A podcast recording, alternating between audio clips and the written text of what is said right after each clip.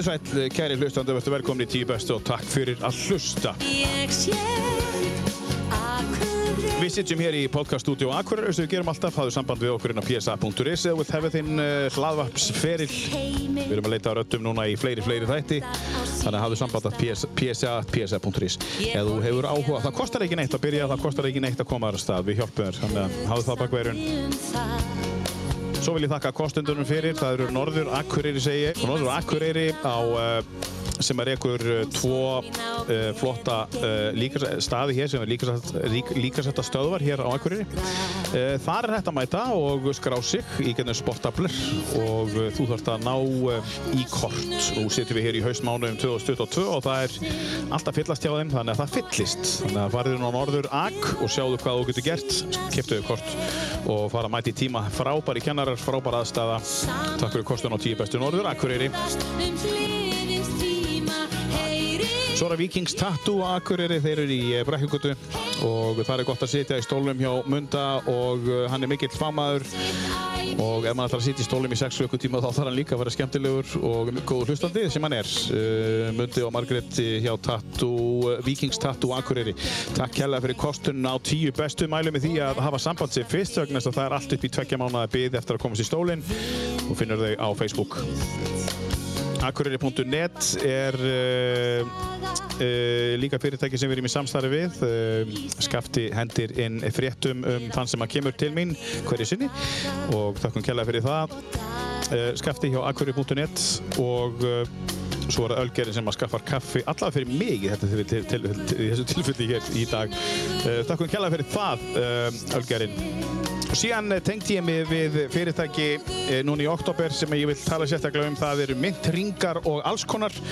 En ég skora á því að finna þá á Facebook. Líklega á Facebook myntringar og alls konar. Það getur séð hvað Hörður er að gera. Hann er að vinna skart úr gamlum myntringum og íslenskum. Þetta verður eins íslenskt og getur orðið. Þannig að uh, kíkt á þetta. Um, Slaufurnar sem þeir gera núna í oktober, bleikum oktober, eru slaufur sem að kosta 5.000 krónur litlar. Það er til í alls konar litum, alls konar gerðum, alls konar stærðum og 2.000 krónur að hverju slaufur renna til uh, Krabbameins félagið. Þannig að uh, það er gott að uh, við erum í góðu samstarfi við þetta frábæra fyrirtæki núna í oktober, mynd, ringar og alls konar og minnum við skóru á þau að fara inn á síðuna þeirra og líka við hana og sjá hvað hann er að gera. Engin spurning. Nú til mér í dag er komin uh, mikill akkuröringur og við byrjum á lægi sem að hann sjálfur samti, hann eh, Bjarni Hafþór Helgason. Hér er Guðrún Gunnarsdóttir sem að syngur við eftir að fara yfir uh, það sem hann hefur verið að gera. Hann er búinn að semja tugi laga og við ætlum að fara í gegnum það hér í dag og fara yfir feril hans. Verður velkomin Bjarni Hafþór. Takk að þér. Gaman að fá þig, gott að fá þig. Já, takk fyrir það. Sumulegis bara. Já. Herðu, um, fyrst, fyrsta uh, sem ég langar að tala við um áður og fyrir að segja hver þú ert og kynna þig fyrir uh, alþjóð. Segð okkur, þú ert hérna á Akureyri núna, það var eitthvað sérstatt í gangi núna. Já, ég var hérna með svona sögusýningu Já. sem kallað var í, í hérna Hlíðarbæ. Ég var hérna í reglu musterisrittara Já, já. og það staðið alltaf til eða verið rætt stundum að ég gerði svona grínsýningu eða sögusýningu þar sem ég bara segi sögur. Og sögur af hverju, er þetta, er sanna sögur? Þetta eru sögur af mér og af og ömmu, pappa og mömmu þetta er allt veikindasögur, meira og minna. Já, sjúkdómar og veikind og alls konar vesen og húmor í kringu það sem að, við höfum til að einhvað okkur og það var húsfyllir nánast held ég með að segja bæði kvöldin það var mm -hmm. setna kvöldi var í gerkvöld það var alveg sem sagt fullt og ég man ekki hvort það voru 5 eða 6 sæti Já, sko auð fyrra kvöldið og við höfum kynntum þetta á einni viku held ég. já, einmitt, akkurat. Þannig að þetta gekk alveg ótrúlega vel allt saman og Já. bara mikið gleði og ánægi hjá öllum. sko. Já, til hann með það. Já, takk fyrir. Um, er eh, svona, að því þú talar um á, á léttunótonum yfir þessi veikindi, er Já, svolítið létt á já, við, við, já, við gerum það sko og hérna, ég held að pappi minn hafi eiginlega verið eh, svona aðal dreffjörun í því eftir á sínu tíma þegar hann fekk hjarta áfall eða sem sagt var, fór í stóra hjarta aðgerð þá fór hann svona á fulla ferði þetta í kjölfærið að, að sko ég fættur uppalinn á Húsavík. Já, já, ok. Var þar til 16-17 ára aldurs fór þá hér í mentaskóla og háskóla söður og var svo aldar þriðjung hér á Akureyri og flutti fyrir 8-9 árum söður til í Kópavóin Þannig að þú ert ekki akkurýringur í raun og veru húsvíkingur Já, sko, já, já. þannig að það tengja minn og margi við einmitt En pappi fór sem sagt þegar hann kom heim til Húsavíkur eftir aðgerðina þá fór hann bara hóf hann keppni í sjúkdómum sko. Nú, já, hann kefti bara í þessu og sá sem var veikastur á þess að drepast, hann vann. Og svo kefti hann í pillu átti og svona og spurði menn sem við hittum sko, hvað tekur þú marga pillur á dag og menn kannski sögðu, já ég er nú að taka fjóra pillur ég tek sjö, ekki og þá vann pappi sjö fjögur já, þú meinar hann var bara allur í þessu, skilur Já, já, já, já. já. En hver, hver er pappiðin? Eða, já, Pappi minn hétt Helgi Bjarnason Helgi Bjarnason, já og uh, bjó alltaf á Húsavík Já. og var þaðan Já. og uh, til að lýsa honum hann var sagt í raun og veru í grunninn alltaf fannst mér veiðimaður Mhm. gríðalegu veiðimaður og mikið veiði blóði í honum og gaman að vera með honum í, í Laxá að veiða Mhm. fara með honum út á Skjálfandaflóa þá voru við að uh, skjóta seli og höfrunga eins og tíkætt í þá daga sko Já, já, já. upp á heiðum að skjóta rjúpur og það var alltaf gaman að vera með honum í þessu öllu alveg sérstakt og, Já. og hann var líka bara mikill sagnamaður og humoristi og skemmtilegur og, hérna, kraftmikill maður og, Mm. og, um, og hann lest úr hjarta áfalli 73 ára gammal inn í svo kallum Helgu skúr í bakkan á Húsavík hjá nafna sínum, Helga Híðin sinni og, og um, en var sem sagt já, bara svona lifandi og fjörugur maður sko, hann var uh, formaður verkaleysfélagsins hann í held ég bara eh, 15 ári eða eitthvað svoleiðis og, Já. Og kom svona nokkuð víða við sko, þannig. Og, já, Og, og vel þekktur á svæðinu. Já, mjög, Já. mjög þekktur. Og það vissi allir hver hann var. Pabbi hétt Helgi Bjarnason, kallaði Helgi Grani oft. Það var allir uppnefndur á Húsavík og hann var, þegar hann var krakki sko, þá leik hann Grana þegar þeir voru að leika sér í hassaleikjum strákarnir. Og þá var hann Grani í hérna, brennunni Jóls sögu og, Já, já. Ég miskildi, ég, ég heyrði vittlust Ég heyrði vittlust Já. Helgi Grani Já, já. Helgi Grani. Já, já. Móðir mín hins vegar var frá uh, Hrafnkelsdal sem er lítill Mm. dalur með tveimur bæjum í sko, sem gengur inn úr Jökuldal. Þannig að ég er svona Jökuldælingur. Og Já. hún var frá bæ sem heitir Vaðbrekka. Já, og, og var þar næst elst í tíu sískina hópi já, já, já. fullt af merku fólki frá þeim sveitabæ uh, doktorar og, og skáld og, og alkohólistar og veiðimenn og snillíkar og, svona þannig að við uh, já Og móðin, hver var, er, er hún á lífi? Nei, nei, nei, hún er látin, hún hétt Jóhanna já. og hún var mjög virk sko í, í hérna, hún var til dæmis í bæjastjórn á Húsavík í 14 ár held ég Já, já, já að þegar að ég er barn og úlingur sko, þá er hún þar og, Mhm. og þannig að ég upplýði aldrei nein, neina fyrirstöðu gott konum en það sko, þó að vera í gamli stílinn á Eskoheimilinu á Húsavík Mhm. þá, og pappi uh, svona, var með munnin hörin eða nefið eins og gömlu kallarni voru þá stjórnaði mamma þar öllu ef hún vildi sko. það, það var Var þannig það ekki þannig alltaf? ég, ég öruglega sko, Var það ekki bara í pottinum? Þá jú, hún gerði, vann þessi heimili störf náttúrulega sem hann gerði ekki Einmitt. en ef hún vildi snú einhverju við og gera eitthvað annað og öðruvísi þá bara let svona hann gera það sko. Já, já, það var þannig Uh, já, þú segir að uh, móðin hafi komið, það eru tíu, tíu sískinni. Hvað voru mörg sískinni á pappaðinum? sjö bræður Sjö bræður? og hann var elstur þeirra Já, já. Já, já, og þeir ólust upp á, sem á Húsavík og, og æsku heimilið sko, sem ég elst upp, við, upp í og, og, og þessi bræður oft tengdir við í raun og veru, það heitir Gravarbakki já. sumir held ég að ég hefði alist upp í líkhúsin í bænum en, Já, grafabakkanum. en þetta var sko gamall torrbær hérna og áður sem að, á Mógravarbökkum Já, já. og þess vegna kom þetta nafn á húsi Gravarbakki og Já, þetta var tvílitt steinhús þegar ég er að alast upp og ég sem stóð þarna ný til til að nýbyggt og uppi voru pappa og mamma með okkur sískinin fimm og niðri af og amma þess vegna svona, er, er, er oft talað um þennan bræðrahóp sem Gravarbakkamenn Já, já, já. og já, Og, þi, og þið voru fimm?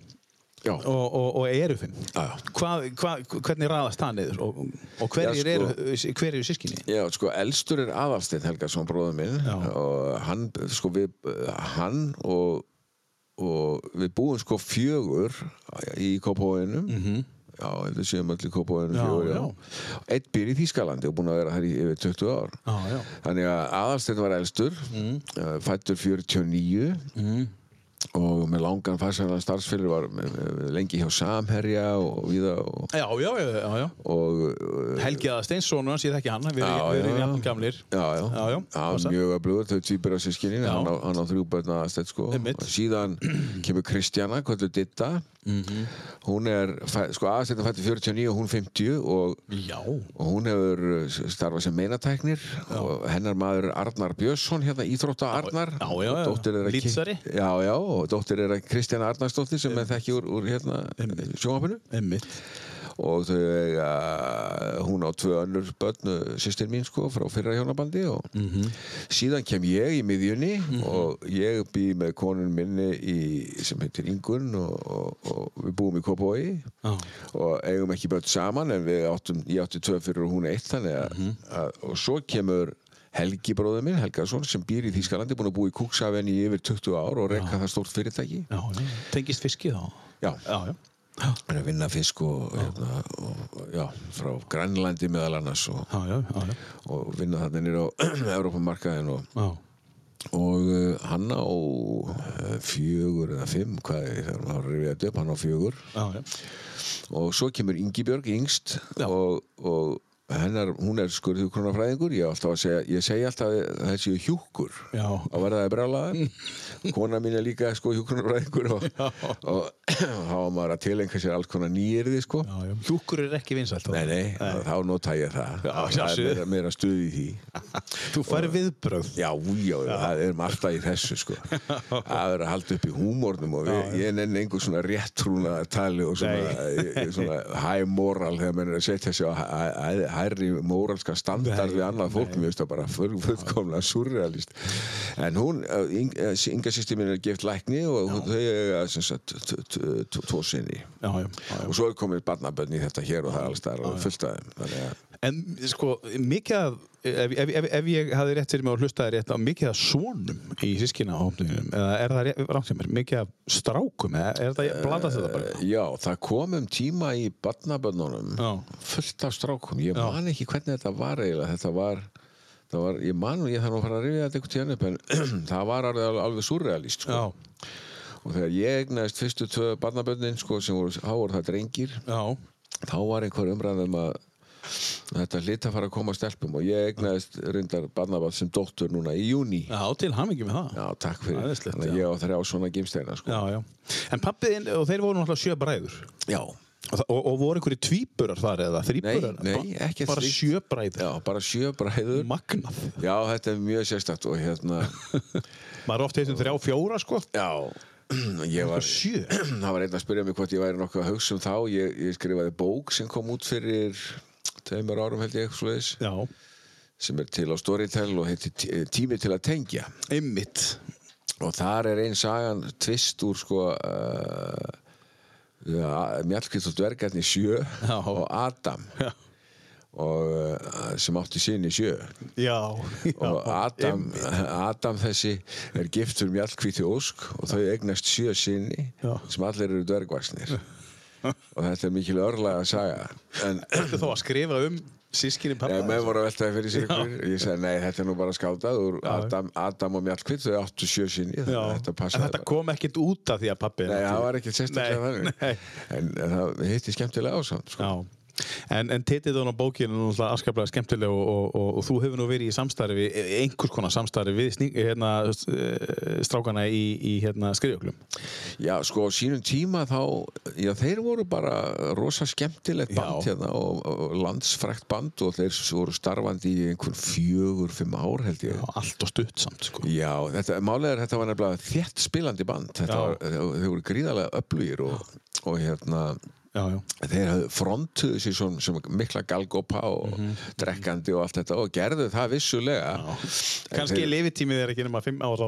Já, það getur verið sko, en ég, þeir voru í raun og veru miklu þéttar og öflur heldur en, heldur en grínið og bulli gerði Já, já. eh, svona grein fyrir en, Einmitt.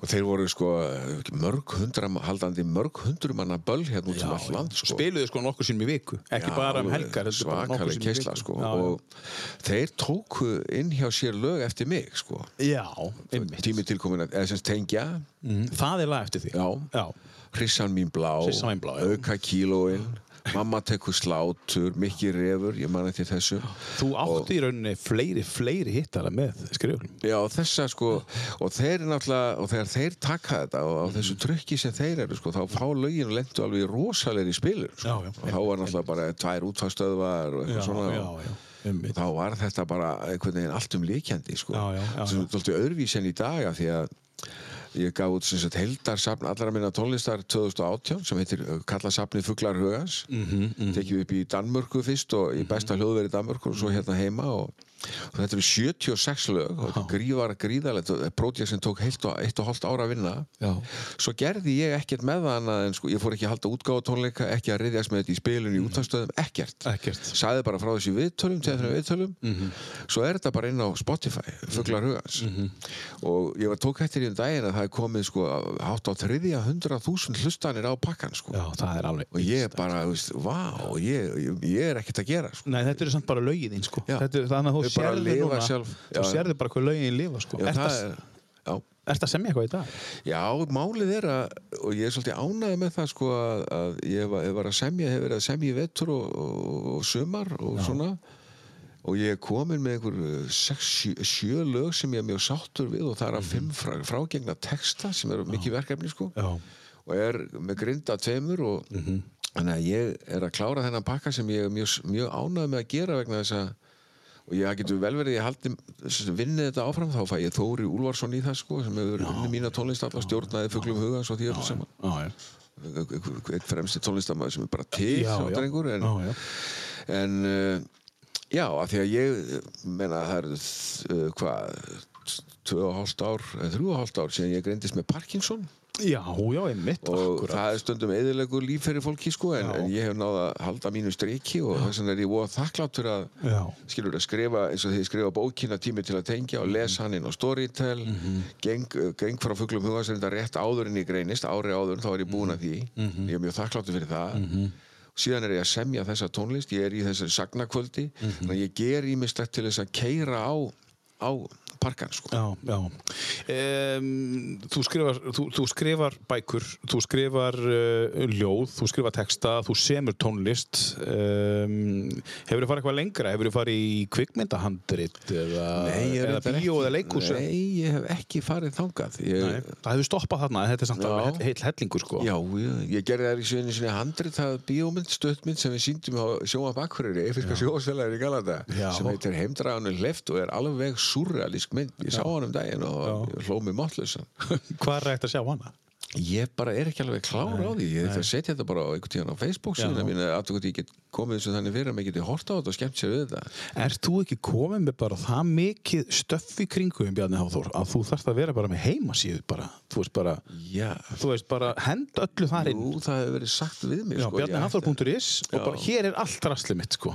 Það getur vel verið ég, Já, hérna, þú með 300.000 spilanir bara á tónlistina. Já, já, það er alveg rétt, þetta, þetta er svona pæling sko, Já, ég, hérna, já. það er kannski að hugsa þetta og, og það er að koma út barnabók eftir mig eftir uh, bara 2-3-4 vikur Já. sem heitir uh, Tríó lendir í ævintýrum, þetta er bara sögur sem ég sagði afastrákonum mínum og var ákveð síðan að setja í bók um Já, ok. sem lendir í alls konar slagsmálum Já, þú bara ferð í málinn. Ertu Já. þannig? Ertu svona, Já, ég er svona það sem kallaði dúer já, Dúer og klárari. ef, ef ég er búin að býta eitthvað í mig að ég þurfa að gera eitthvað þá það kannski gerist ekkit endilega alveg strax svo fyrir ferð nei, en það gerist yfirleitt já, og þú klárar það. Já, Þú þetta er ekki- bara eins og núna þessi sagnakvöld. Já. Uh, þeir sem eru kannski aðal ábyrðamenninni fyrir því eru nú eru, að þetta gerðist eru tvei frændi mínu hérna á Akureyri sem heita sko, Kristján Kristjánsson og Sigur Óli Kristjánsson bræður Já, já. og ég meina þeir ringdu bara fyrst í mig í fyrra og segja sko, herðu, nú þarf það að fara að gera þetta því við höfum rætt þetta einhvern tíman Mhm. taka svona sagnakvöld og síðan höfum við rætt þetta af og til og, Mhm. og, og, og, og Kitty og þeir báðir nú að hafa haldið svolítið utan Mhm. um þetta, þetta ferli og stjórna þessu og, og, og þess vegna er búið að haki þessi bóks að gera þetta. Svo getur vel verið ég haldi áfram með þetta þess að ég ætla ekki að útiloka það, við höfum eftir að skoða það. En, en það er alltaf, alltaf mikilvægt fyrir mér að gera hlutina. Og ég gerði uh, tvo diska hérna á sínu tíma 90 og eitthvað og eftir rétt eftir 2000 með músík sem er á fuglum hugans í dag ný upp, uppgerðal sko.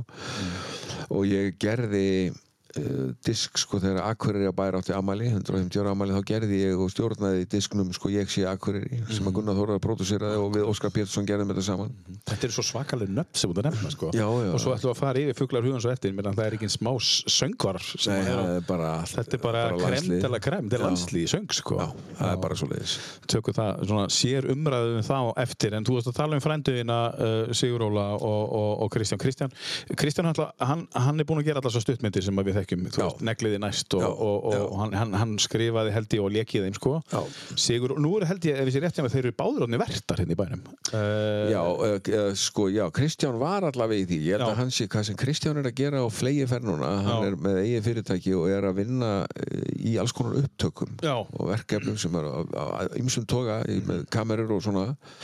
Og hann er mikið að vinna sko erlendis og mikið fyrir sunnan. Og hann sé með aðsettur á akkurir og með sína fjölskyldu hér. Já.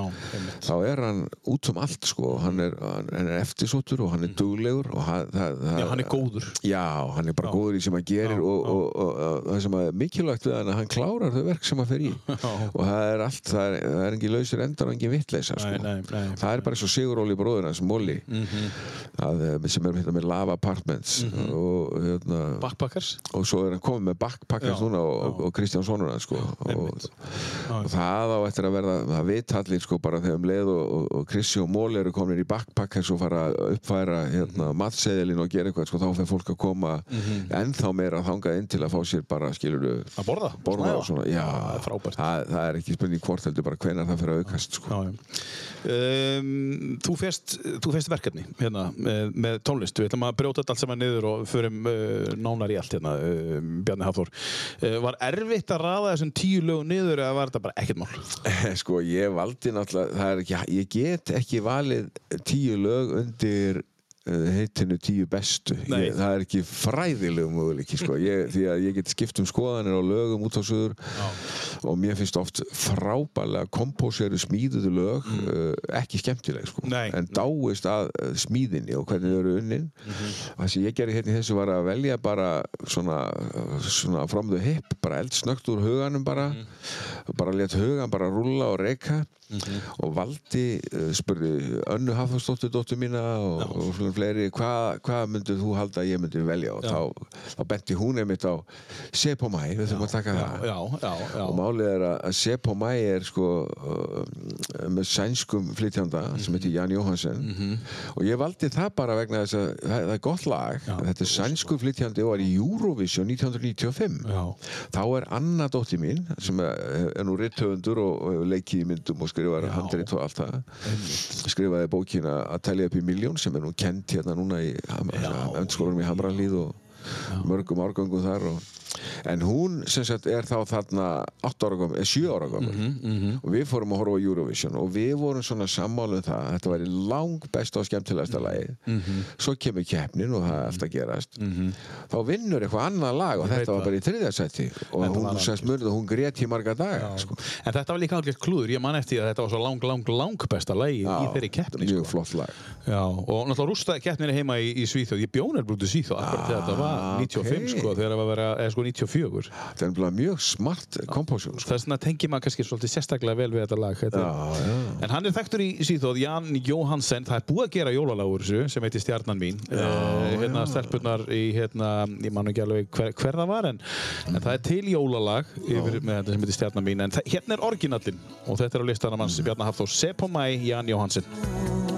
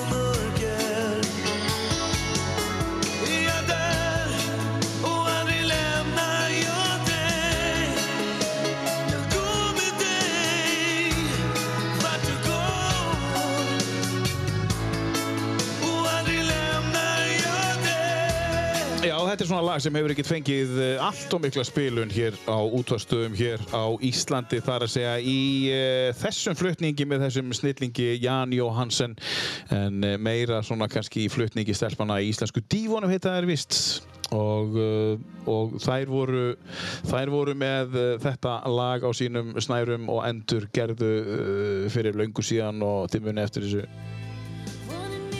þetta er sama lag.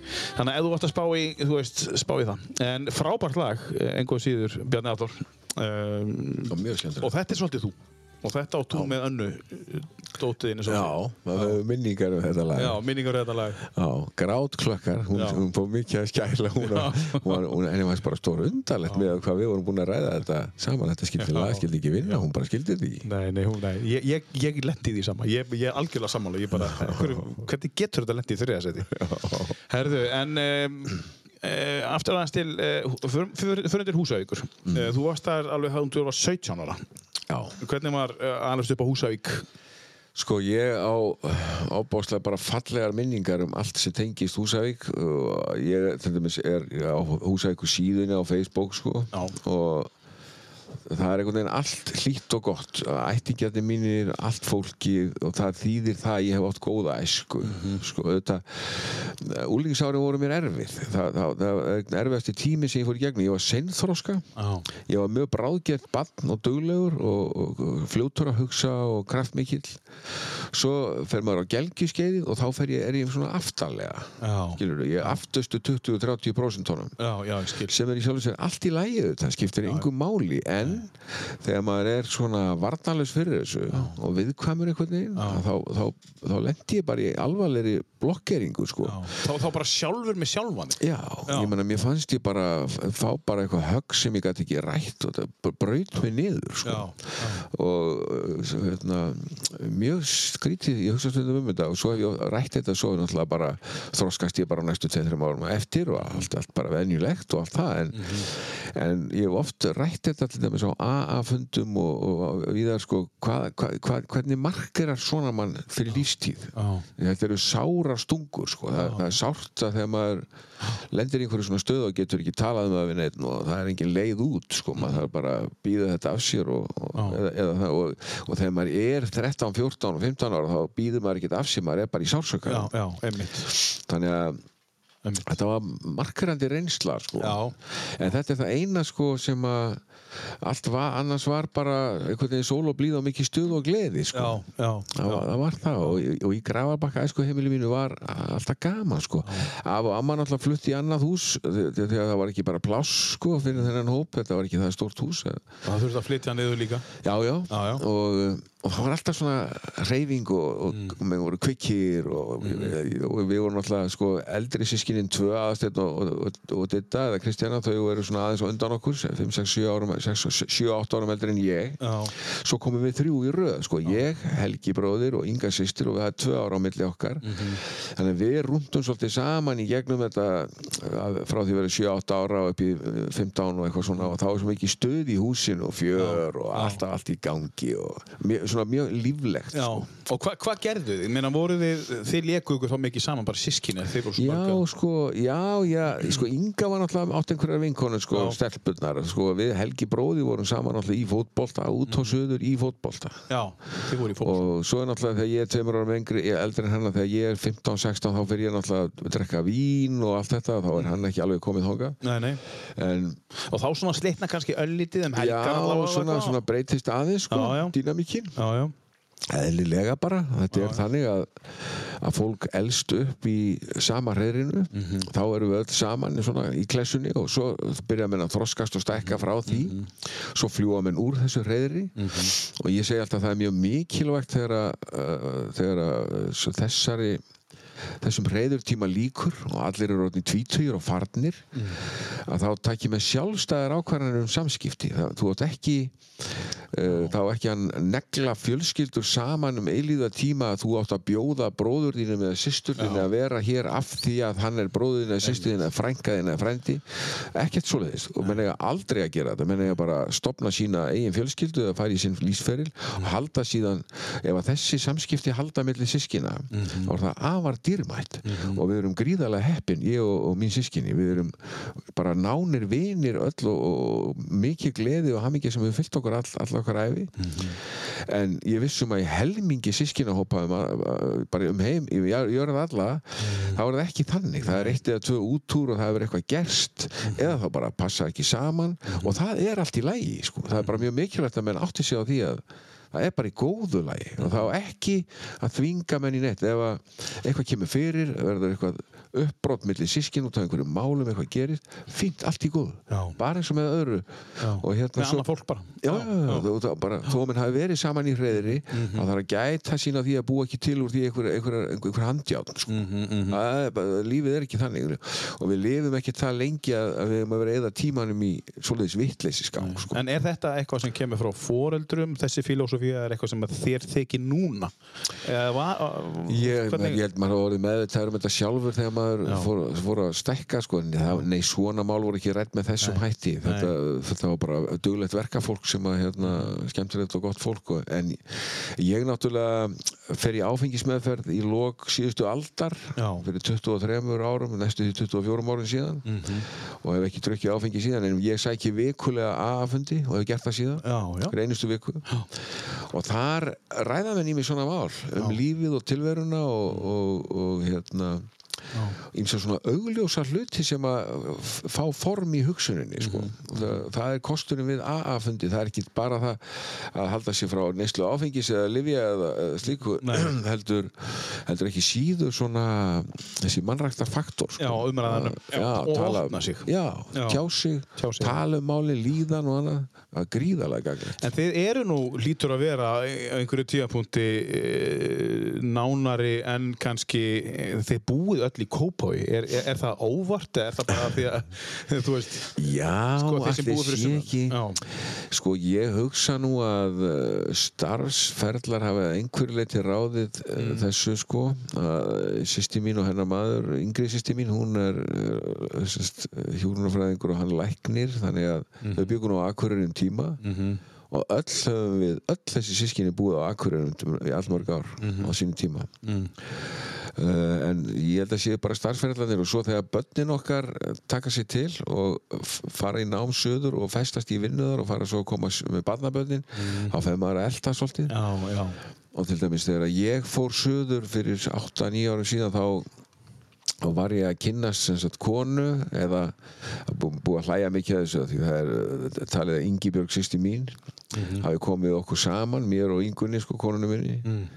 Af því að hún fór að mattsa þetta sem já var ég á Akureyri en Ingun fyrir sunnan sko. Já, en það er búin að þekkjast í 20 ár Já, það sko, er sem búin skurði okkur saman í námi og svona. Já, og Inga sýsti fór að búa til einhver leikrit úr þessu til að koma okkur saman það reynda gekk, svo, Já. svo gekk svo upp. Er. En máli var líka það að ég var náttúrulega búinn að vera hér á Akureyri í alda þriðung og mjög gladur og hamingisamur og Mm. bara með hérna, unni hérna í, meðal annars hérna í sjónvarpi og, og lífir í sjóði og síðan hjá KEA Já, já, það var frábært að vinna hjá KEA uh, virkilega flott fyrirtæki og, Mhm. en svo uh, sonur minn, eða dóttir mín Anna Hafþórsdóttir, hún bjó fyrir sunnan og, og, og það var að ljósta hún er í þar áfram. Hún er í uh, rithöfundur og kveimyndagerð og ýmsu svona. Og svo þegar sonur minn Alli sagði mér að, þau var að fara að flytja söður hann og hans kona með gullringina tvo já, þá hugsaði ég bara með mér herðu, þetta, ég, nú þarf ég að fara að hugsa sko. Já, ég, þá voru þau hér og voru frá Já, og þá er þetta er mikilvægt að fólkið mitt sko, Já, já, já. og barnabörnin og Já. tengdabörnin og svona og, en uh, en þetta, ég er alltaf á gríðarlega fjölda af mjög góðum vinum og kunningjum hérna á Akureyri eftir, eftir aldar þriðungsveru hérna og, en á þessum sama tíma fer Inga sýstir að, að þvæli því að búa til hérna eitthvað samband um mér og, og Ingunni sko, það var ekki komið áður Nei, nei, nei, já, En það er svona, hún fór eitthvað að gerast svona og hrærast í þessu. Ég var einhleipur sem sagt, þannig að svo láð þetta bara allt saman alltaf vel saman þannig að þetta svona, var þetta svolítið Svona þægilegt. Já, bara það var hægt að láta reyna á þetta samband hvort Já. þetta gengi upp hjá okkur það var það því ég var að fara að sögðu hvað sem er og,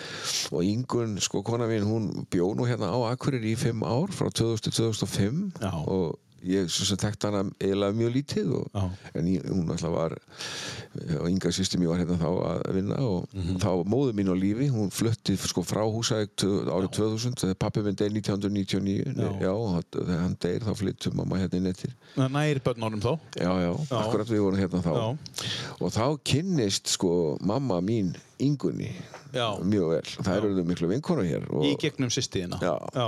þannig að þegar ég kynni svo Ingunni löngu setna sko, þá er hún að kynnast sko sinni Jóhanni Grabak Já, sko. og, og, og þau áttu gott samband áður en já, sko. já, Já.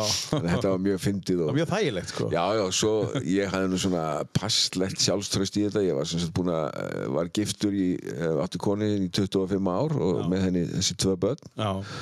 Og bara mikill vinnu minn í dag og að sjálfsögðu og Já, já. svo var ég í sambúð með annari konu hér á Akureyri, frábæri konu og endislegri og, og svo bara döguð þessi samband uppi eins og gerist og ok, uh, allt í lagi með það, það er bara, lífið er þannig en Mhm.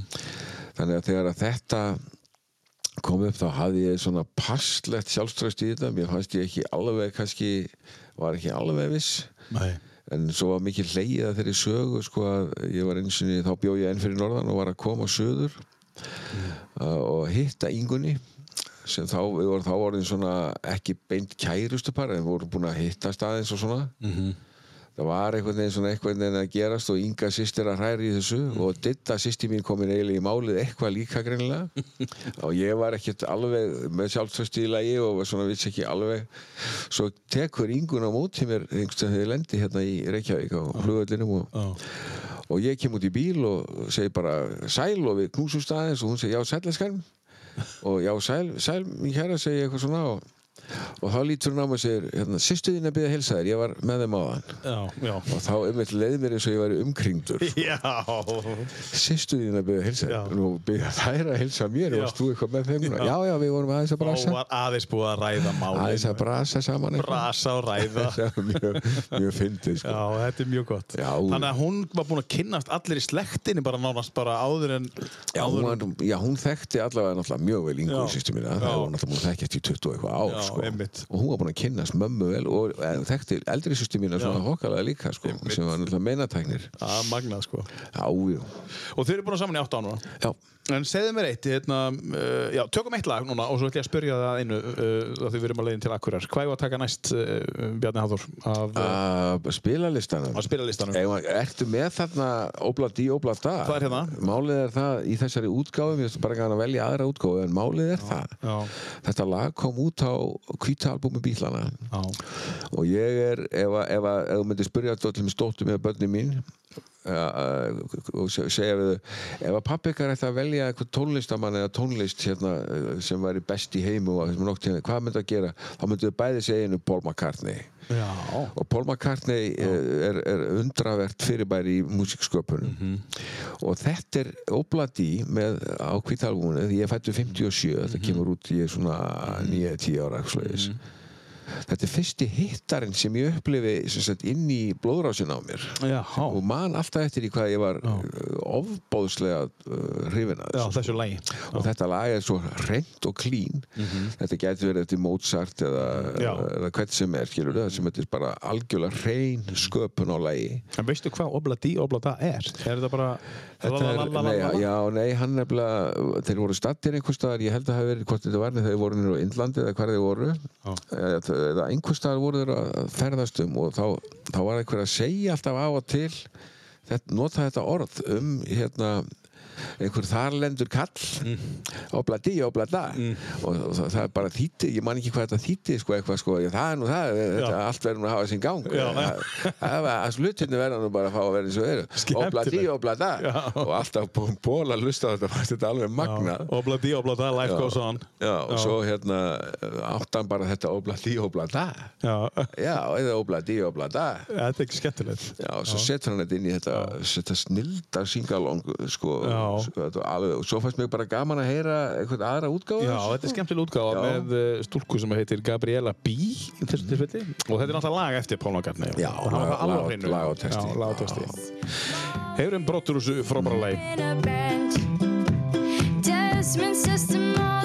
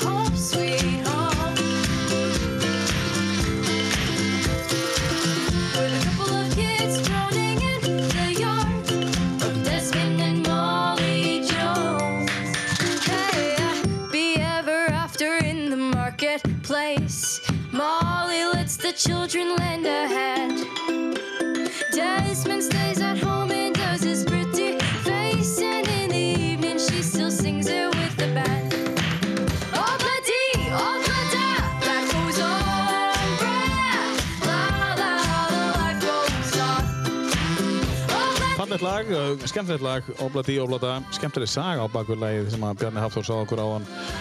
Lag eftir Paul McCartney sem er svona þinn maður eiginlega. Já, Já, hann er í, ef ég þyrfti að segja að einhver væri minn maður, þá Já. bara var hann til laga smíðar og, og textagerð, söng og, hljóðfæraleik, hann, hann er eh, bara afburða maður á öllum, öllum þessum sviðum, sko. Stórmerkilegur. þú sagði mér áðan að pappiðin hafi verið mikill sagnamaður. Þú ert mikill sagnamaður sjálfur, fólk sem þekkir þig. Já, takk fyrir það. Og það er nú bara þannig. Um, börnið þín, nú veit ég að Anna er í, í kveikmyndagerð og, í einhverju svona kreatíu umhverfi, uh, eins og kannski þú ert. Uh, en, en hvað með hinn börnin? Hvernig, í hvað umhverfi eru þau? Eru þau líka Eh, Nei, sko það, sonur minn Alli, hann er, uh, hann er uh, í doktorsnámi, sko, og, og er, hefur að kenna líka í Háskóla Íslands, hann er, uh, hann er á öðru sviðum, sko, hann er hérna, er að vinna uh, svona flóknu doktorsverkefni, hann er uh, á félagsvísinda sviði en Já, já.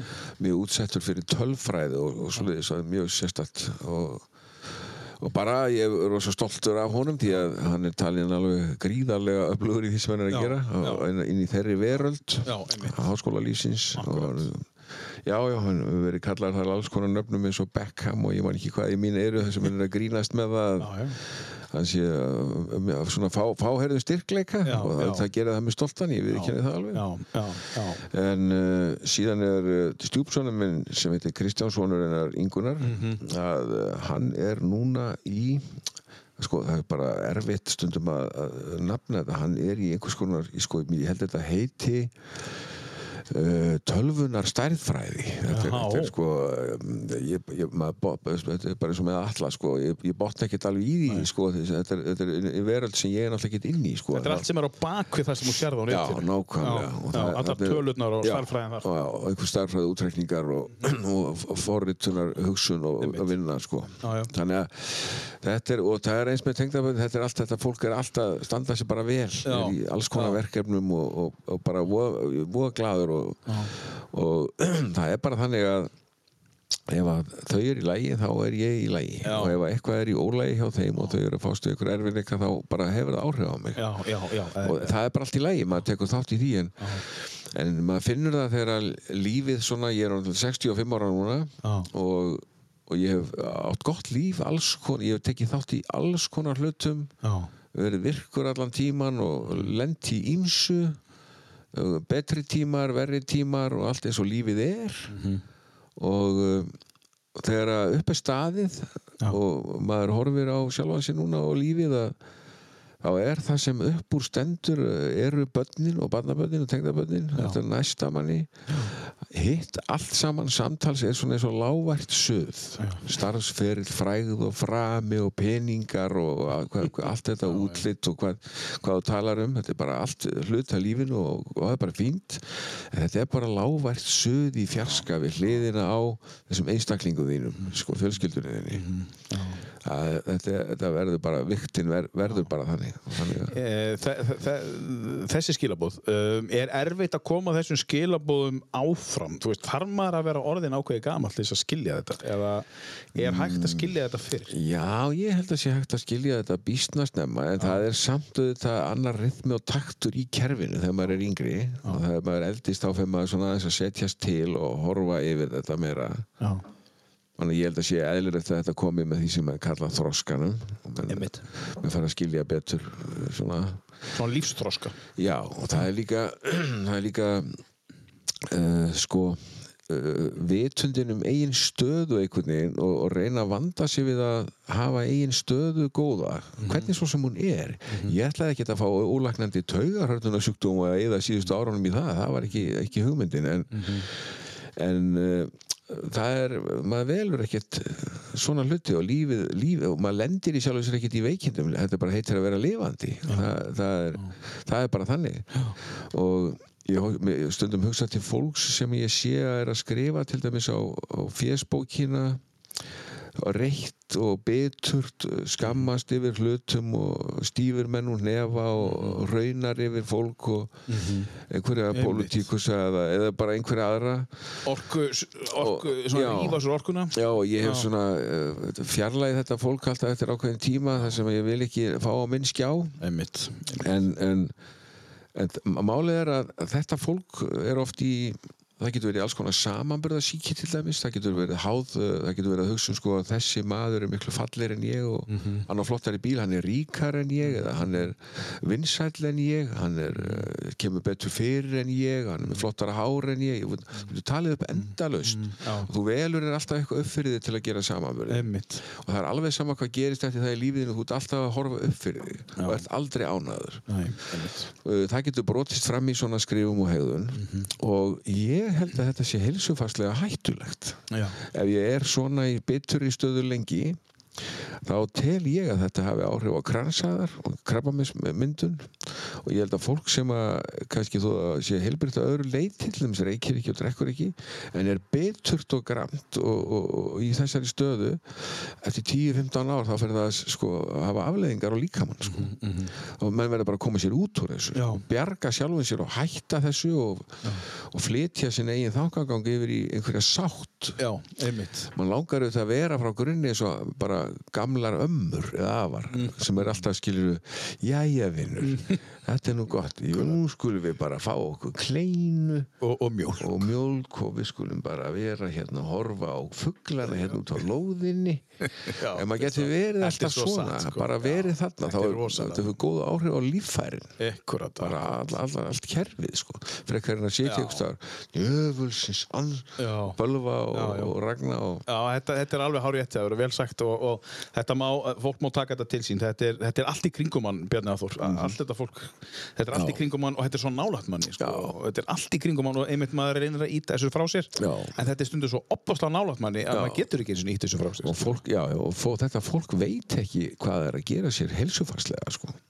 ég tel þetta sé bara algjör leiði til bara helsufars tjóns talaður um það áðan að, að, að þó, þó þú sett skildur og þó að séu nánir þú, þú átt að, að velja þér sambandi sem þú vilt hafa við hvern og einn sko. að þarna kemur kannski einmitt með punkt að, að, að þú veist, þó, ef þú ert með einn mjög náið þér sem er alltaf í þessu umhverfi ítt honum bara eins frá þér. Já, bara, ekki spurning sko, þetta er eitthvað sem er uh, endalust uh, í skítkasti eða Já. talandi svona og alltaf þegar að hann eða hún er hjá þér í kaffi eða eitthvað svo Einmitt. þá er öll umræðan og stemningin svona Já. bara, þú veist, þá bara leiðir þetta hjá þér og eðir tímanum öðruvísi ég, ég steg, tek stundum íkta líkingu að þessu og segja sko hugsaður ef að einhver náfrændiðin eða bróðir eða systir eða segjum bara einhver náfrændi er þannig bilaður að hann er alltaf með nýf á sér Já. og hann er svo klikkaður að hann hérna, hefur einbettan vilja til að stinga þessum nýf í fólk ef hann hefur tækifæri til þess mm -hmm. Alltaf þú þá alltaf að bjóða honum í allar fermingaveslurnar, öll kaffibóðin og afmælin og svo leiðis af því hann er frændiðin eða bróðin glæsilega sagt svo kemur hann með Já. nýfin Já, já. og þetta bara gerur ekki, þessi nýfar er í ymsu formi sko. og þú bara virkilega, virkilega vel sagt. Og bara takk þetta til ykkar gott fólk.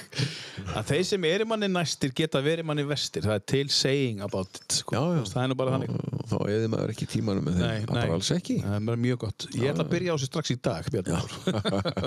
Herðu, en uh, þið flyttið eð, eð, sko, ég veit ekki með ykkur en, en þú allavega flyttur yngur 17 ára. Uh, Já, ég kallaði það því í mentaskóla já, sko. og þú flyttur yngur eitt á það Já, þá kem ég bara hér inn eftir og og, vistina já, já, og byrja heimavistinni og mentaskólinn er, er skóli sem ég þykir gríðalega væntum já, þarna, af því ég var að tala um gelgjuskeið á, á, áðan og þennan viðkvæma tíma sko, að, það var þeim í mentaskólanum sem að þetta breytist allt saman sko, ég hérna, reis upp frá döðum nei, segi það nú ekki. En allavega náði mig svona á flug og lendi í skemmtilegu félagskap sko, kynntist indislegum sko, skólafélögum og, og fólki.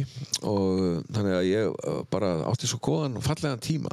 Sem er enn með þér í dag að hluta? Já, já, Já. og hittumst og, og hérna og svo er náttúrulega alltaf reunionin og, og alltaf því hitti bara þetta fólk þá bara kemur gleðiströmmur í mig. Bara, þau eru bara hluti af einhverju mynd Mhm. eins og margt í æskumyndinni margt fólk frá Húsavík og svo Já. kemur í fólk- menntaskólanum og þetta við þykir gríðalega vænt um þetta fólk allt saman bara fyrir það hversu mikið eða lítið sem ég umgengst það, það skiptir ekki máli, þetta er bara stór hluti af bara myndinni sem lifir í, í mér sem mannesku Mhm. og uh, já, já, Hefur alltaf verið sósjál? Er, ertu alltaf, hefur alveg frúast bara mannst eftir þér? Svona, Já, sko, málið er að já, ég, ég er uh, já, ég er alltaf lifandi í samskiptum með fólki, það hefur alltaf verið þannig og, en það er skrítið að ég er ekkert duglegur hvað maður að því að uh, svo ég held að í gamla dag þegar maður drakk sko áfengi og svona þá var maður kannski duglegur að búa til moment og, og hérna allir til í það alltaf sko þá varstu kannski ekki þú sjálfur. Nei, og svona þá snerist þetta kannski um að Já, já. fá sér bjór og svona en, já, en um, ég til dæmis, kona mín er miklu duglegri að, að uh, segja, herðu, ég ætla að bjóða þeim í mat hérna um helgina þessum við, ertu klárið það? Og, og ég segi, já, já, endilega. Og, og ef ekki að fara og kíkjum við hjá þeim og ge- gerum þetta og gerum hitt og þú veist, hún er í þessu. Mhm. og ég sem sagt stinga eiginlega ekkert upp á þessu og segi bara, jú, jú, jú, jú svo kemur fólkið og þá finnst mér æðislegt að, að, að hafa einhverja sko. Og, það, og ég er alveg spilandi kátur og þetta fellur alveg að mér sem persónu. Mhm. en ef ég byggi einn þá er ég sko miklu minna um þetta. Og það er ekki vegna þess að ég vil ekki hitta fólki þetta er bara að, að, að dráttarkerfið í mér er bara ekki þarna og ég, Mm. ég er sjálfur mér mjög nó, nógur eins og sa- maður segja má sko. Ég að spila á hljóðfæri eða skrifa eitthvað og Þið þykir þú vera skemmtileg, þú veist, gaman að vera með Ég þér. myndi ekki kannski orða það þannig að mér þætti ég alltaf skemmtilegur ég, ég hef sem er einmitt sagt stundum sko þegar maður er að vinna í sér að, að hérna þá hef ég stundum sagt til sjálf mig rosalega ertu búin að vera leðilegu síðasta hálftíma. Þá er ég að setja eitthvað og hugsa eitthvað sko negatíft eða krefjandi sko eins og bara eh, heila starf sem en vinnur sko. Það er verkefni að vera eh, jákvæðu megin og halda sig í hamingjunni sko. Það, það er verkefni að því það hittir allt til sko. Já, já, hittir allt til. Þannig að þú segir þá bara sjálfa, þetta rosalega búin að vera leðilegur. Tattu til. já, nú skulum við reynum að gera eitthvað skemmtilegt sko. Herru, gerir eitthvað skemmtilegt. Við ætlum að fara og, og, og tala um mentaskóla árin hér eftir næsta lag. Hvað erum við að taka næst, uh, Bjarni Áþór? ég veit nú ekki, hvað erum við með hérna erum við með Við erum með til dæmis uh, þetta hérna, númer fjögur. Uh, þetta er nú þinn maður að hluta hérna, Paul McCartney. Here Comes the með- Sun, það er flott það, já, tökum það bara það Eitthvað er- sem tengis kannski mentaskóla? Já, það, ekki. já, það gerir það nefnilega Já. vegna þess að þessi platta er gerð upp úr 70 Já, ég hef verið stúdent frá Emma 78 Mhm. þannig að á þessum árun 74 til 8 þá er þetta þá er Abbey Road platan Mhm. mikið spiluð og, og ég tengi alltaf plöthumslæðið við já, heimavistum á Já. Emma Já. þannig að þú hittir alveg spot on já, já þetta. Já, Já, þetta er bara fallet lag eftir George Harrison Finnst þér erfitt að velja eitt lag með bílunum? Já, það er Já, það er ekki hægt. Nei, Nei. það er bara þetta er bara flott lag með því. Já, akkurat, það er bara svo Já, heyrum þetta.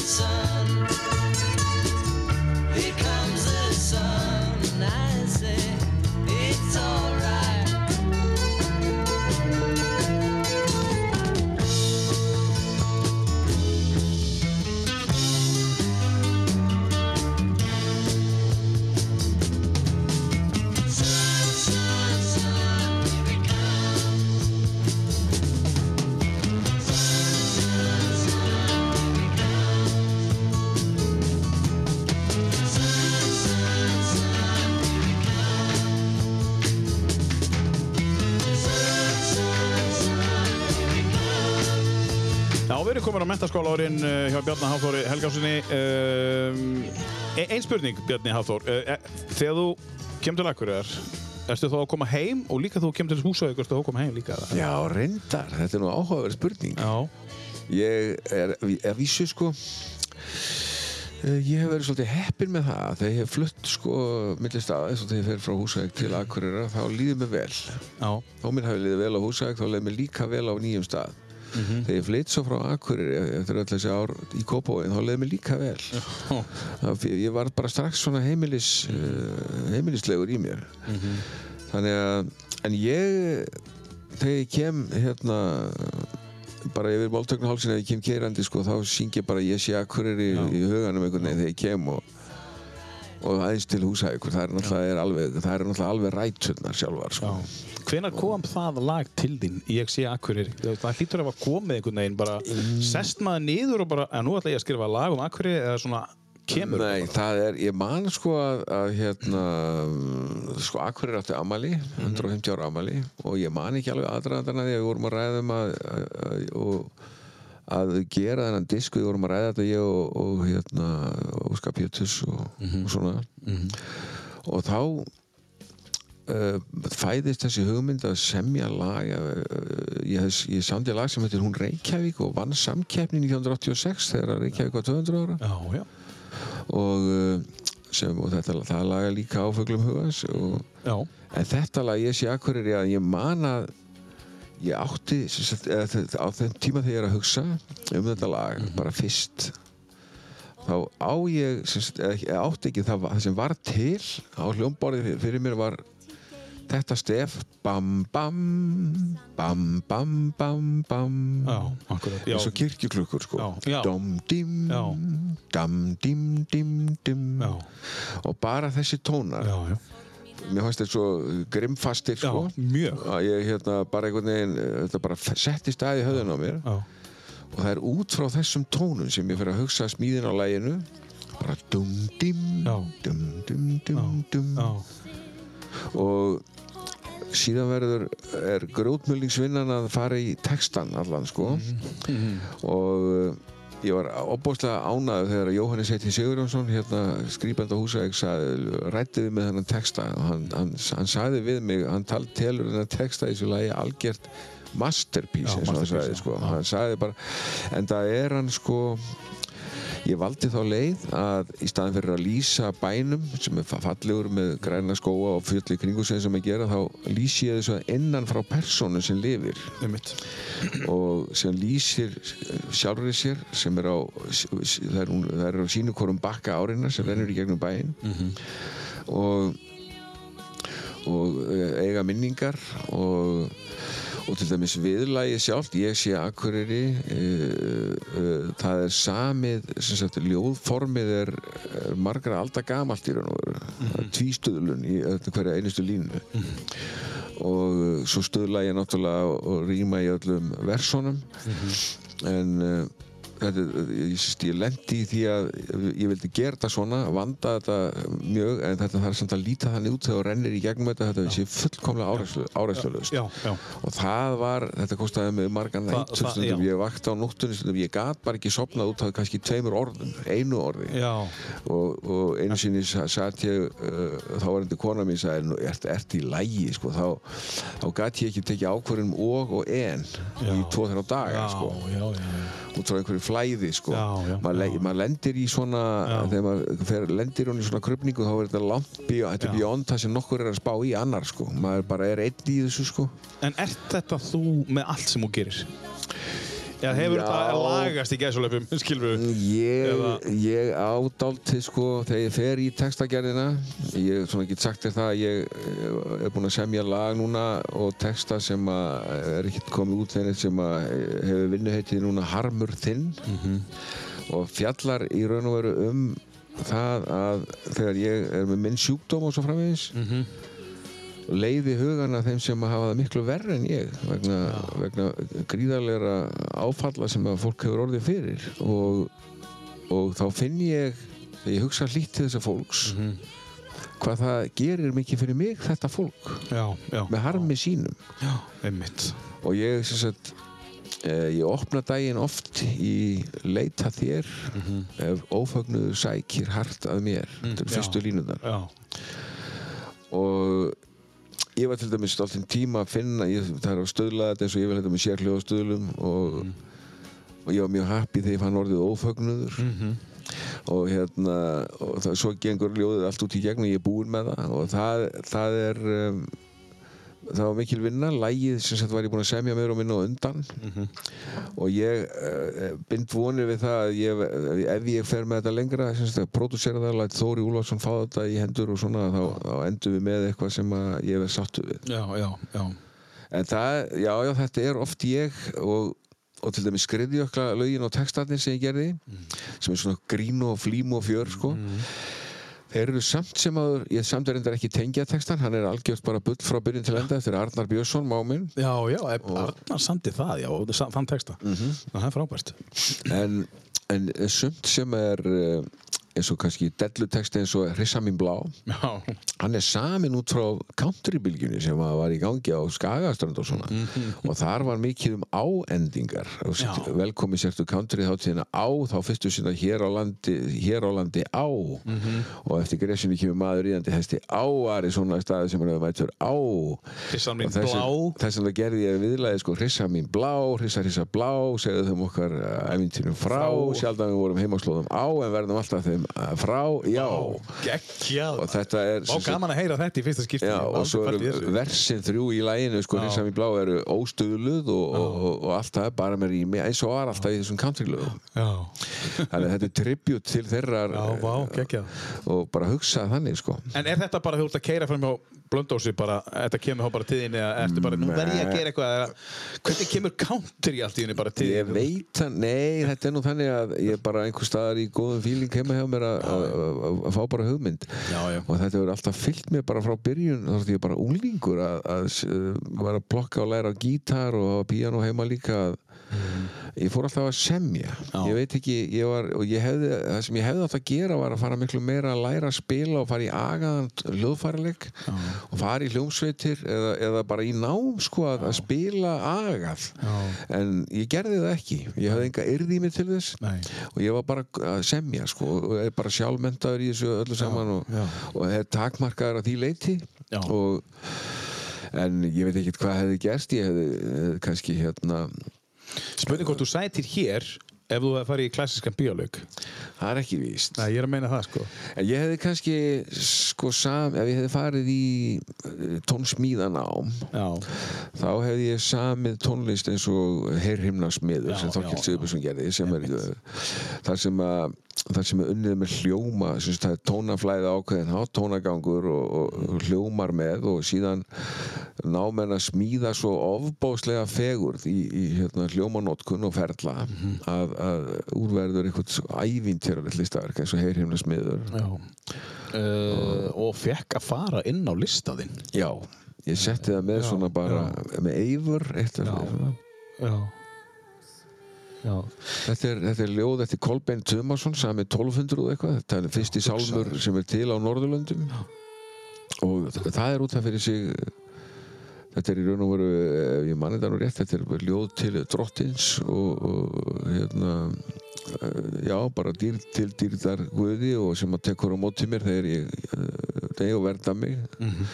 En snildin í þessu er lagasmíð Þorkels. Það er í raun og veru finnst mér alveg já, já, já. Læð. Uh, Ljóðu náttúrulega löngu, löngu eru til. Já, já. Já, og, og, og svo kemur Já, Heyrum uh, lagalistanum hans Bjarni Hafþórs Heyr Heiðmannsmiður, uh, þetta er Margaret uh, Eir og Heifur sem að syngja þetta saman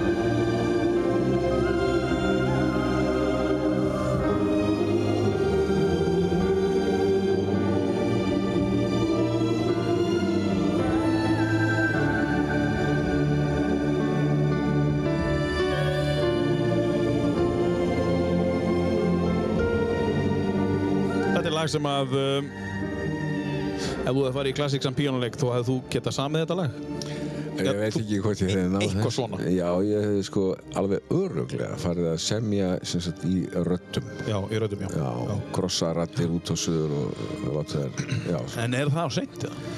Nei, sjálf sér kannski ekki, sko. Ég, hérna, það þarf ekki að vera. Ég, ég, ég, kannski á maður að fara að hugsa bara því, fyrir því, sko. Já, já Ég hef ekkert gefið því sérstakann tíma. Það er í pælingu, sko. Það þú segir það. Uh, Bjarni Áþór, þú, þegar þú uh, þegar fólk hlustar á lögin þín uh, þá langar þið mikið að hlusta á textan líka Já, í sjálfu sér. Já. Mér finnst samt hefur alltaf þótt mikilvægt að að lag uh, standi undir sér og maður segir Já, einmitt. uh, lægi sé svona náið því að vera sjálfstæður karakter og textinu þetta vinnur svo með og, og, og allt það sjálfsögðu en sjálf kompósjónin, lagasmíðin sem hefur einhvern uppaf og endi og, og stendur einhvern veginn er þarf að uh, já, vera þannig Hvo- hvort, getur, maður getur verið mishrifin af lagi hvort sem maður semur það sjálfur einhver annar gerir það en ef það er vel samið og stendur undir sér þá, þá finnst mér það gott sko. það er bara Þeir tekst að gera bæði, bara góða melodíu og, og góðan texta. Já, það er bara eins og bara eitt af mínum uppáhaldslögum með vorvindar glaðir sko. Já, Þú já. veist, vorvindar glaðir gletnir og ræðir geysast um löndi og þetta er, þarna gengur saman lag og texti Já. Eða sko önnur snild sem nú er frost á fróni frís í æðum. St stutta línu stuðla frábæri stuðlar og höfustöðum nýður í gegnum allt. Og þarna eru frábæra lagasmíðar og á, og á snildar textum sko. Já, já. og allt og fáir uh, allavega sem er sett í þessum stól sem að hlusta á texta. Þeir bara, þeir, þeir hlusta á lag Já, já. en allt og fáir hlusta á texta. Já, en þegar maður segir hlusta á textan í þessu lagi þá svona, wow, þetta er geggjað. En hérna eftir mentaskóla á Akureyri, hva, hvað tekur við þá, þá hjá þér? Þú áttu góða tíma í mentaskóla Já, svo já, já, og svo þá taka líka góður tímar við þegar ég fer, fer í Háskóla Íslands og ég var reyndar sko, ég kastaði nú eiginlega upp á það ég, ég, ég var svolítið að spá í læknisfræði Já. skurlækningar, ég svona, var svolítið spenntu fyrir því en ég fór í viðskiptafræði Já. og tók sagt, fjögur ár þar og hagfræði kjarnan senni hlutan Mm. Og það gekk bara mjög vel og ég útskrifaðist þar sem sagt, voruð 83 Já, já. og það er alltaf merkilegt að við vorum sko það, það voru tölvurnar sko ekki komnar eins og við þekkja á í dag en það, það er í dag en ég mani vorum að sko skrifa tölvu fortrann tölvumál og, það var algjörlega uppfront nýtt sko já, ég aldrei heyrti það sko. Neini, ég man bara til DOS Já, já, og við vorum sko að prent út langa ræmur af einhverjum okay. listum úr, úr hérna, já, í reiknistofinni þarna í háskólanum og eru það að notast eitthvað við þetta í dag? Nei, nei, Nei. Svo kemur bara fyrirbæri sem heitir Excel og Já. tölvur alltaf eftir þetta sko. já. og svo uh, æfi mín uh, meira og minna verið í Excel síðan sko. já, þú ert Excel maður Já, já, Sko, í bara- vinnunni? Já, já, ég meina það sko og ég er Excel karakter svolítið ég er svona, Já, ég er með svona röðunar áráttu ég, ef þú myndir spyrja mig til dæmis uh, hvert ferðaðist þú 2016 Mm. Þá myndi ég fyrst segja að ég hef ekki hugmynduð en býtu aðeins. Og þá fer ég inn í tölvuna mína inn í foldera um ferðalög uh, finn uh, alla flokku þá eru öll flokku þar niður eftir stöðum og svæðum sem ég ferð á. Inn í hverju ferðalagi er allir flugmiðar hótelgistingar, allt saman. Já, þannig ég get svarað þér eftir augnablik Já. öllum þetta ár, hvert ég fór og hvar ég gisti og svo framvegis. Já. en ég hef ekki hugmynd um það á þessu stíi sko, en ég bara get rifjað upp með þér og við væri svo saman báðið jafn hissa sko. já, ég hef verið þar. Já, já, já.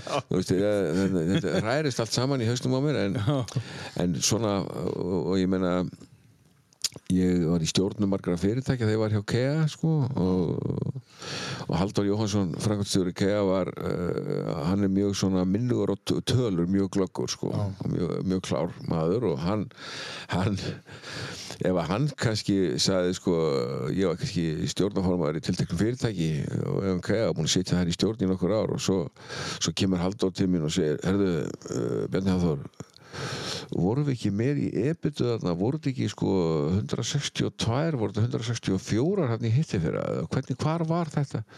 Ég segi, ég haldur, ég hef ekki hugmyndu að býtu aðeins. Já, það kemur þá það fer ég inn í folderinn og á 10-15 sekundum finn ég fyrirtækin og þetta svo þetta fyrirtæki. Allt flokkað eftir árum og stöðum og opna ákveðið skjál og segja við hann herru þú ert nála þessu 161,7 og svo þá, þá finn ég allt sko, hann notaði mig oft til að finna alls konar svona punkta. Svona staðfestingar á Já, hans svona yes. sirka útrúið Já, hann var miklu, miklu minnur en ég sko, sérstaklega á svona tölur og svona. En ég átti þetta allt fælað í smáatriðum sko.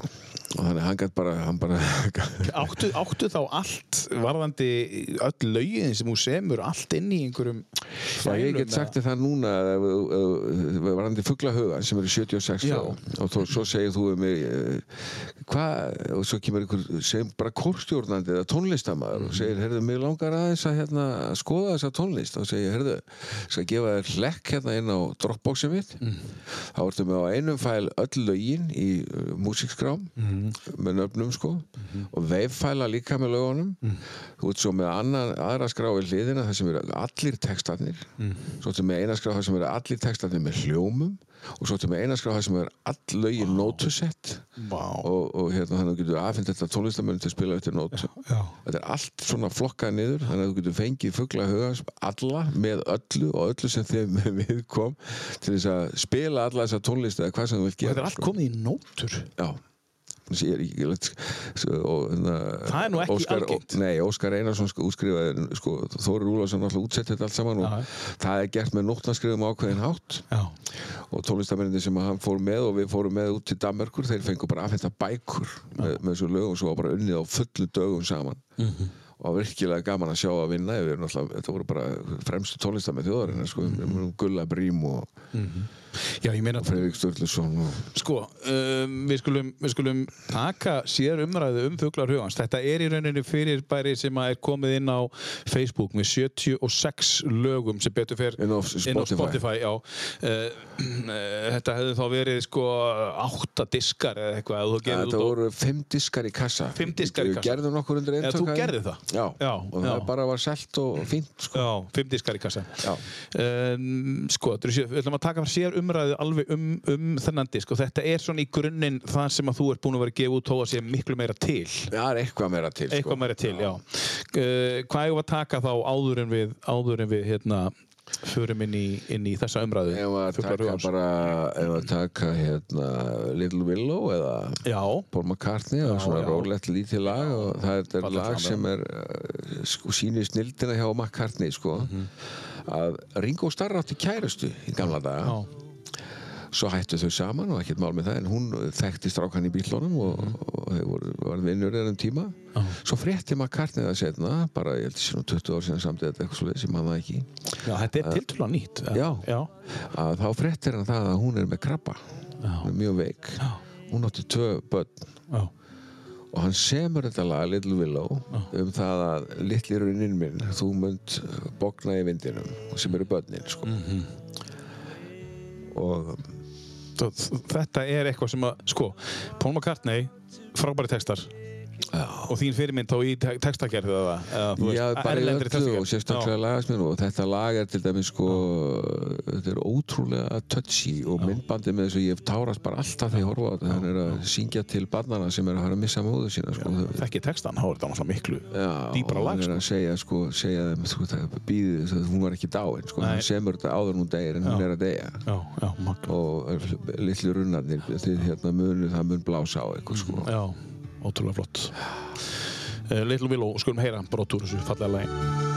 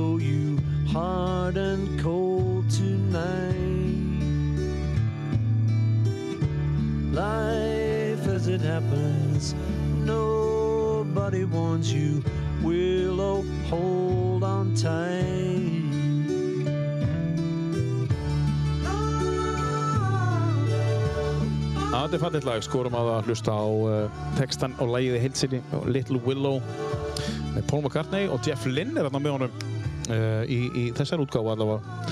Um, Bjarni Hafþór, þá komið að uh, uh, Fuglar hugans segja okkur aðeins frá því uh, þetta er plata sem kemur út 2018 og á plötunni eru þín lög sungin meðal annars að Steppa Hilma Ste Stefáníu Svavas, Eithóri Inga Gunnleysinni Björgunni Haldósinni Helgi Björnsson er hérna, Bjarni Arason er hérna Já. uh, Sigga Beintis Guður Gunnars Já, Sigga Beinteins Guðun Gunnars, Egil Kristjáns, Pállur Rósinkrans, Ósk. Þetta er bara, eins og þú segir, bara landslík. Hvernig. Var ekkert mál að fá þá til að syngja? Eða, Nei, raun og veru Já. ekki, nei, ég bara, veist, þetta fólk bara sem ég rætti við já. Er þetta viniðinir? Magni er þetta líka? Þetta er allt saman vinni mín í dag, ég líti á það þannig en, en hérna, mörg þeirra sko Mhm. en, en hérna, ég þekktu mörg ekkert, ekkert áður sko. Hérna er, lag, hérna er lag sem þú talaður um áðan, hún Reykjavík. Hérna er bara Jóhann Helgason og Helga Möller sem syngja Já. þetta bara. Þetta er disco eða? Já, þetta var, uh, Þórir vildi setja þetta í þetta, þetta form og þetta er mjög flott gert og það er uh, Sinfónia hljóst Íslands eða sem sagt, s- 16 manna strengjasveit þar þeir á kostum í þessar útsetningu og Þóri sko Þetta er svolítið svona bara eins og fjólublott uh, í Já, bæði. Þú vannst einhverja keppni. Já, þetta var 200 ára ammæli keppni uh, ammælis laga keppni 1986 og ég, hérna, Björgvin og Helga Möller sungu þetta þar en nú tókum við Möller, Helgu Möller og Jóa Helga með henni Og þannig ert þú bara 25-6 ára gammal. Já, Já. Og þetta þú að hendi, þú hendir í þetta bara? já Já. Voru þetta sem söngvarinn þá? Jóhann Helgason og Helga Möller í þá? Nei, eh, þá var þetta Björgvin Halldórs með Helgu Möller sem söng þetta í keppninni Já, sko. Björgun Haldursson söng þetta þá. Já. Já. Ok. en svo fór þetta bara, Þórir vildi taka þessa pródúsjun á Já, þetta já, já, já, já. Svo erum við með, við vorum náttúrulega með uh, Jesse Akureyri sem er náttúrulega löngu orðið sígilt lag hér uh, á Íslandi. Svo erum við með inn í eilíðina.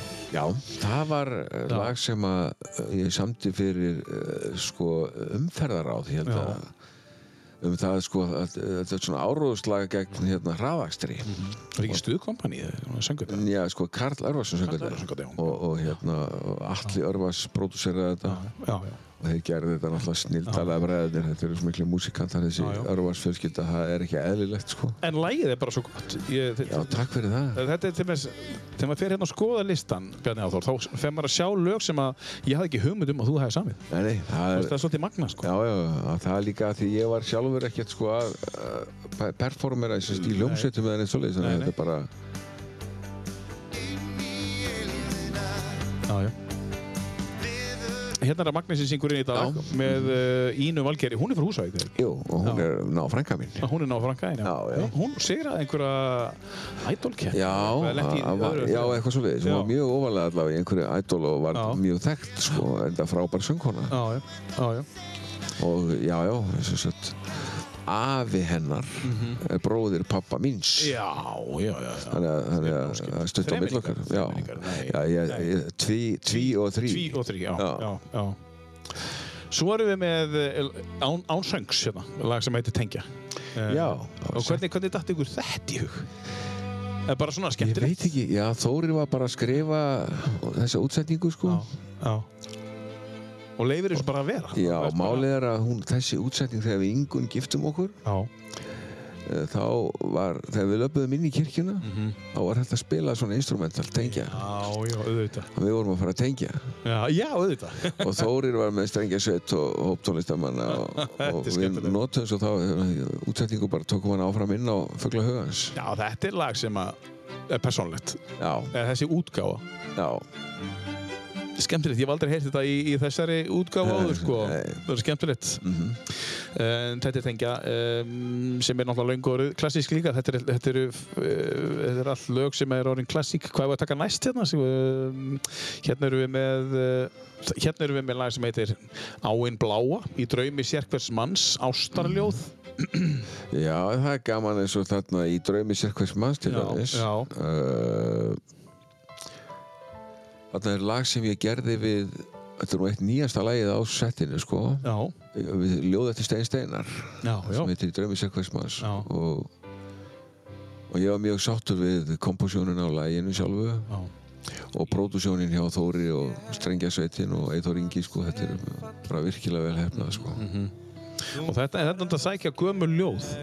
Hvernig, ég- ég... hvernig velur þú ljóðin? Svona, Sko, að- það, ég vel það yfirleitt bara þannig að, að ég vil að þið séu góð Já, ég, eh, sko, þetta eru slum 76 lög allir ég er ekki 50-60 texta að það sko. Já, já. svo eru hitt uh, já eins og þetta Já, eftir Stein Steinar já, svo eru dálítið mörg eftir Ragnar Inga Aðalstinsson doktor sem er móðubróður minn já, já. og, og afar, afbörða gott skáld og, og hann, mér finnst krefjandi á sínu tíma, ég gerði nokkur lög eh, hérna, um uppur aldamótonum við ljóð eftir hann, ljóð sem eru með forni, fornum bragarháttum, þannig að línundar er allar mislangar og, Já. og það heldur að, það, að með sögðu margir sko, það er bara ekki hægt að gera tónlist við þetta sko. Nei, nei. en, en það tókst ágætlega sko, ég var mjög sáttur við það En maður hefði kannski haldið að það væri ekki hægt að því þetta þarf að vera alltaf á einhverjum 16 Já, töktum eða 32. akkurat.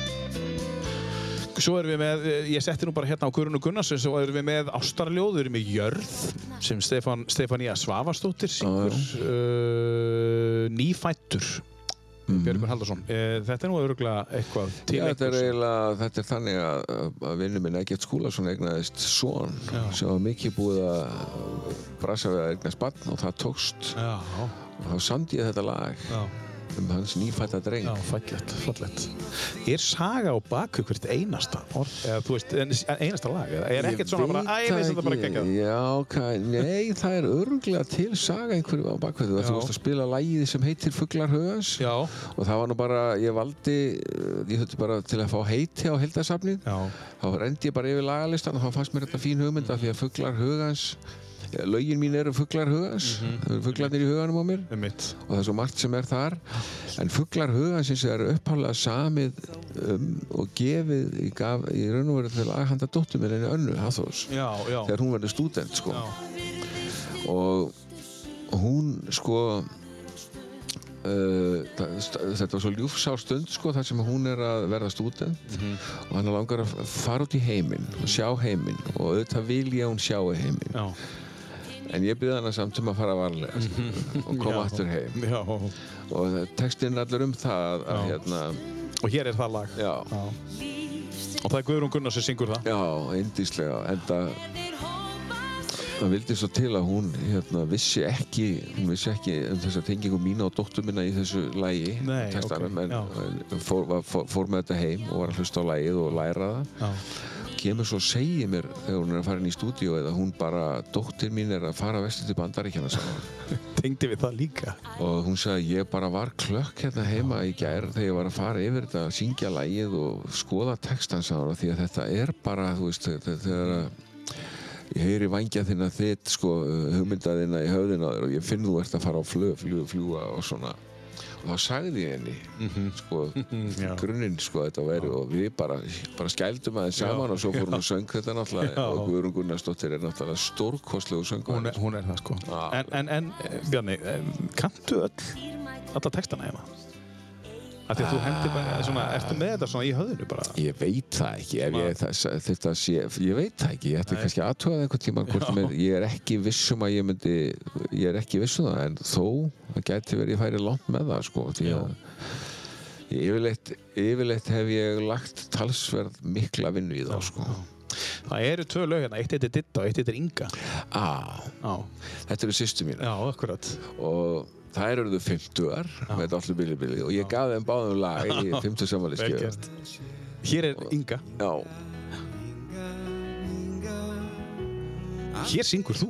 Já, ég syng bæði þessu lög, Já. syng nokkuð lög og hérna og það getur vel verið að ef ég gerir músík núna áfram að ég syngi hana sjálfur Já, já, sko. já, já. en uh, Ég meina, þú ert hörku söngur, sko. já, takk fyrir það Það er nú bara þannig. Já, ég fengi reyndar ágætis hérna. já, já, Og bara halda áfram með það, maður. en Inga var þetta er svona kalthamraður texti eins og ég kallaði stundum hann er svo mikið stöðlaður og ég laði mi- mikla vinn í hann sko. ánað með lagið Já, engin spurning. og svo kom Dittu-lagið, það kom alltaf áður hún var 50 áður Og það er lag nummer 50 á Já. plötunni, það er svolítið skemmtilegt. Ég veit ekki hvort að það sé óvart. Nei, ég, var ekki búinn að fatta það Nei. En hún hérna og þá var þetta þannig að ég setti eiginlega í textaformi öll nöfnin hennar. Mannin hennar og börnin og allt. Stuðlaðbundið það sko. Já. og og þú syngur þetta í ammælisveislunni þú veist Já, já, ég held ég hafi gert það í, Já. ég held það í báðum tilvikum. Að það, fyrsti frumflutningur á þessu var, var þannig sko, bara á kassagítar eða eitthvað svoleiðis. Og líklega besta gjöfin sem við fengum báða sýstum daginn Já, ég allavega, það Ég hefur held verið mjög það. sáttar sko. Svo er ég bara rosa ánæður með pródusjónir hérna Þóri Súlas á þessu. Já. hann er hérna í þínu stöffi alveg bara hann Já, já, ég er náttúrulega, það er náttúrulega algjör svona guðslukka að hafa aðgang að svona manni bara fyrir mig, bara í mínu lífslaupi skilur og bara fyrir alla sem að vinna með honum. Það, þetta er maður sem að er sko á miklu herri kvarða heldur en menn gera sér einhverju grein fyrir sko. Nei, ég held Hann- að menn gerir sér að hafa eitthvað vita á því sem vita það sko. Já. það er bara þannig hann getur pródúserað og útsett Já, allt, allt, og hann sko. getur, hann getur Já. gengið inn í hvaða hljómsveit er sem hvar á jörðinni sko, og skrifað út öll hljóðfæri og gert allt hann vinnur allt með Björgunni Halldórs til dæmis Já, og fleirum sko bara, já, allt, hann er bara Þessum, já, já, hann er bara allstaðar það var, stórkostlegi tónleikar í gær í, í Voslandsbæ misti af því að ég Já. var hérna fyrir norðan, ég átti miða á allt á þetta en Já, fór svo í sagnakvöldið hitt á sama tíma Mhm. Svo talaði við konuna mína í gerkvöld hún var búin að vera á þessum tónleikum að skulla sko, hún sagði að þetta hefði verið bara ég vissi það sko, þetta er algjört world class sko, og það, það er ekkit víst að það sé til betri slagversleikar á jörðinni en hann, það er ekkit víst sko, það getur verið en það er, það er jafnvel líkur á að það sé ekki til sko. Og hann er ennþá að slá. Já, hann er einstakur maður, listamæður og, og gríðarlega háum klassa og með honum voru Guðmundur Pétursson og Þórir Úlfarsson, uh, Pálmi Gunnarsson, skilur þetta er svona fólk sem að er þannig hljóðfæraleikarar, þú veist, það, þeir stökka bara til Já, þú getur þannig. bara farið með þessa menn til bandaríkjana og á einhverju hæstu staði þá eru þeir ganga bara inn í bönd sko. eða, eða, þetta er náttúrulega rosalegt að eiga svona menn sko, og sjá það að vinna og vera með þeim ég, Já, já. maður bara Gulli vera já. Gulli Brín alltaf var í Mesoforti eins og fólk veit sko. Já.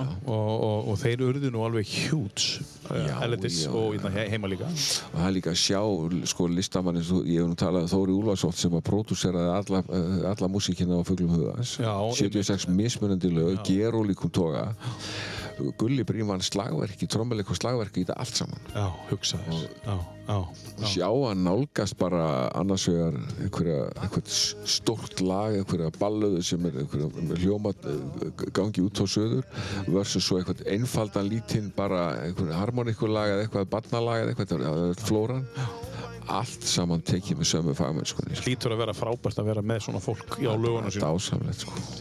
Uh, svo er líka að fyndi með Gulla að það er eins og sé eldist aftur á bakk hann Já. yngist bara eða þú veist þegar maður hann er svona, svona magnaður, hann er stundum sko, ég sagði ekki til að Gulli þú ert svo fallega útgáfan af David Bowie Já, já, Þú veist, hann er svo akkurat. fallegur David Bowie sko, og þóttum henni David Bowie fallegur Já, skilur, já, sko. akkurat Það er mikið til í því Hér er lag sem heitir Þitt bjarta bros með Páli Rósikrans Já. um, Ég sé að þú þarna líka með þetta áramótasöngin uh, Hérna, já. Þetta já. Já, Af því ég var að tala um Gulla Brím sko.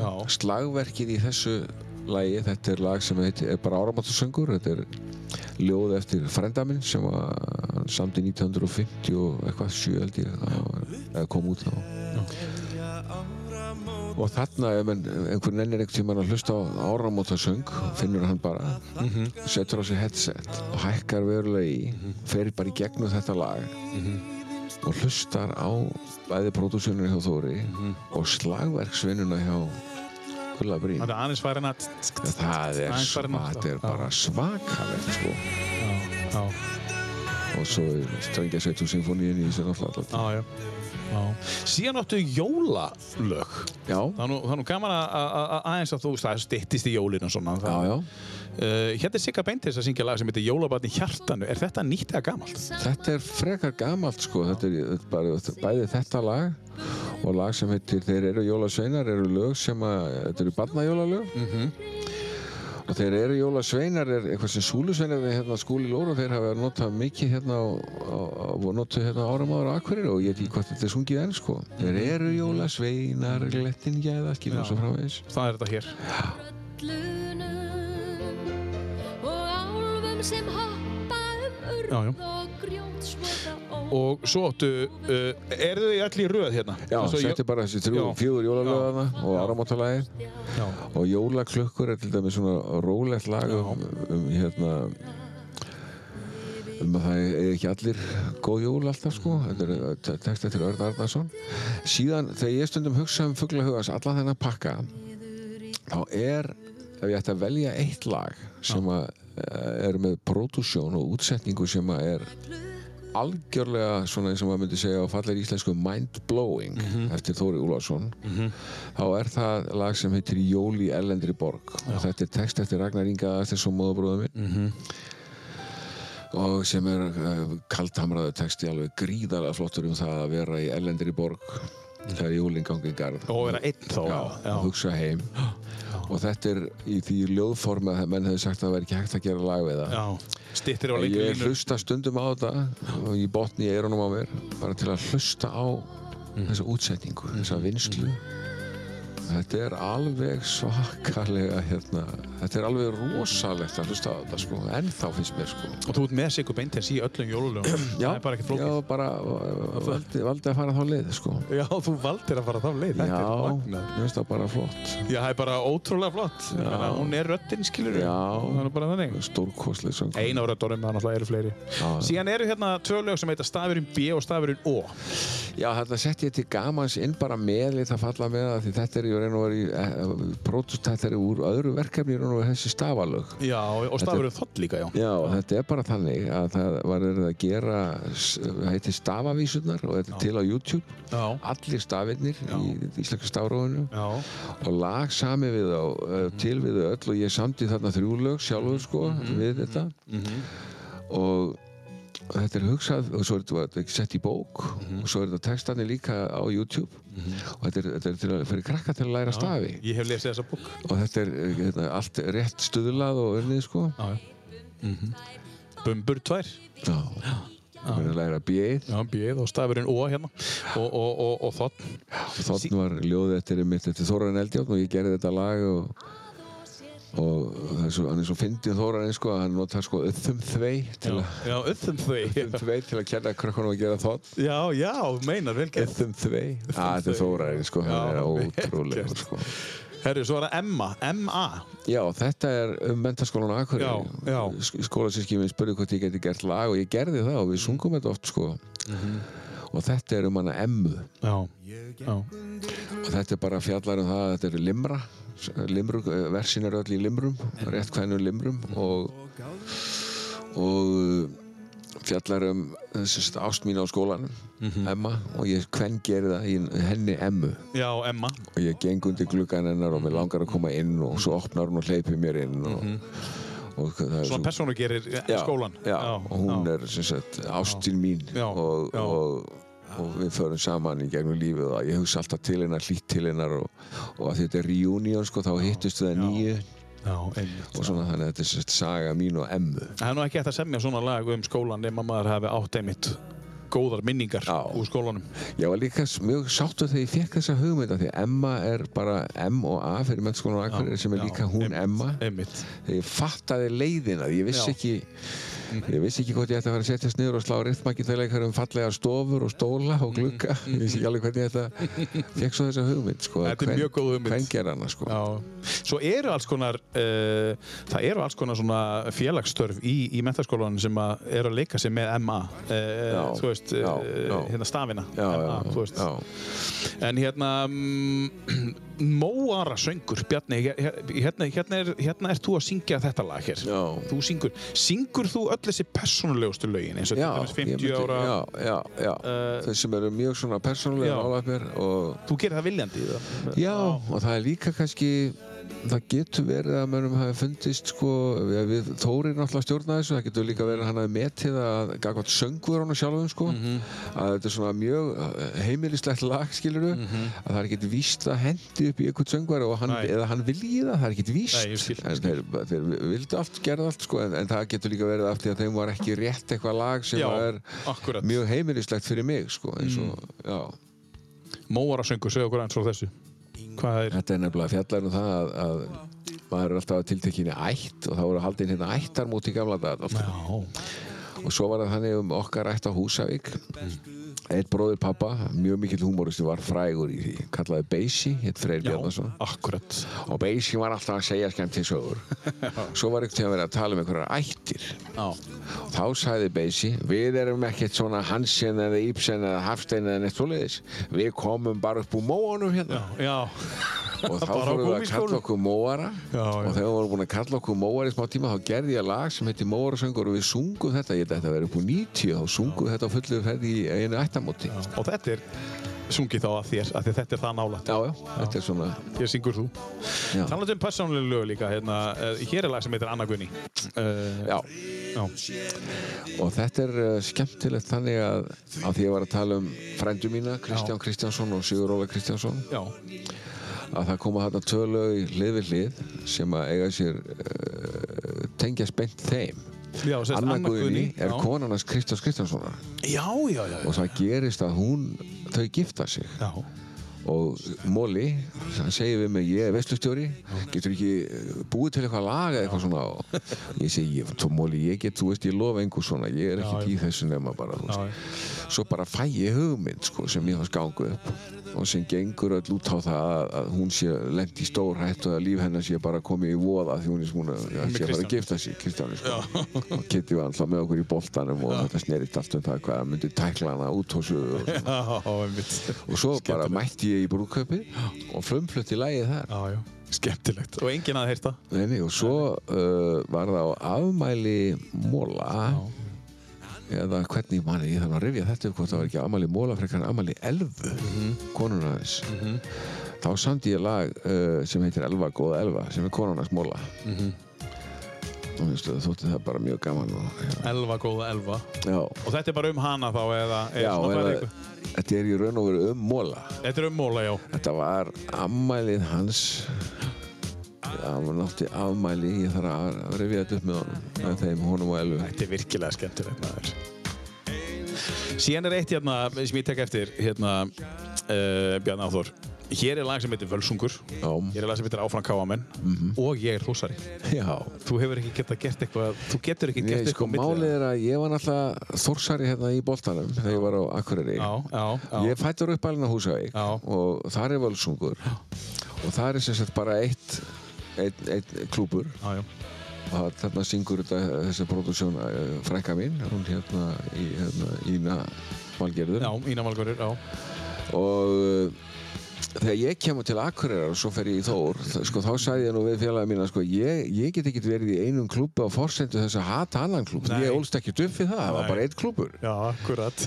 þannig að uh, þegar ég er í Þór sko, þá, þegar að Káa verður Íslandsmeistari 89 í fótbolltanum já. þá var bara þrjára eða fjórar umferðir eftir þá kemur Steppi Gull til mín og segir mig Hafi þá, var ég Þórsari sko já, já.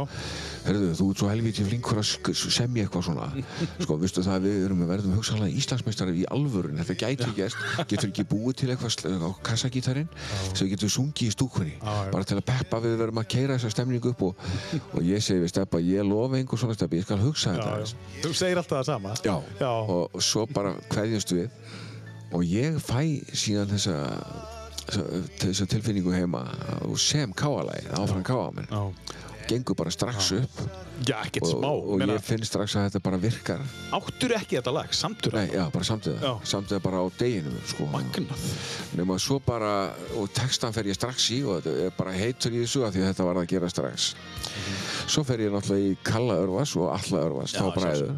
og þeir, og ég segi bara strákar komið þið verið að pródúsera þetta og, og gera þetta. Og þeir koma Og ekkert vesend. það lægi tekið og ég er nýr í samver hérna á erinni og tekið upp og svo kalla ég strákan og liðinu slatta þeim til þess að syngja í hópi, hópi sko, og, þá, og þá í Steppa Gull. Og Steppi segir, hvað meinar þau? Konti segir, ég var búinn að uh, skoða þetta með þetta lag í alvöru, hvað kíktur eitthvað á þetta? Já, kontu. Þetta var svona þremdugum sem það það var búið að taka allt upp sko. Svo kemur hann inn í samver og ég sé, hlustaði á þetta. Og svo er allt sett upp, allir sleðar og allt sko.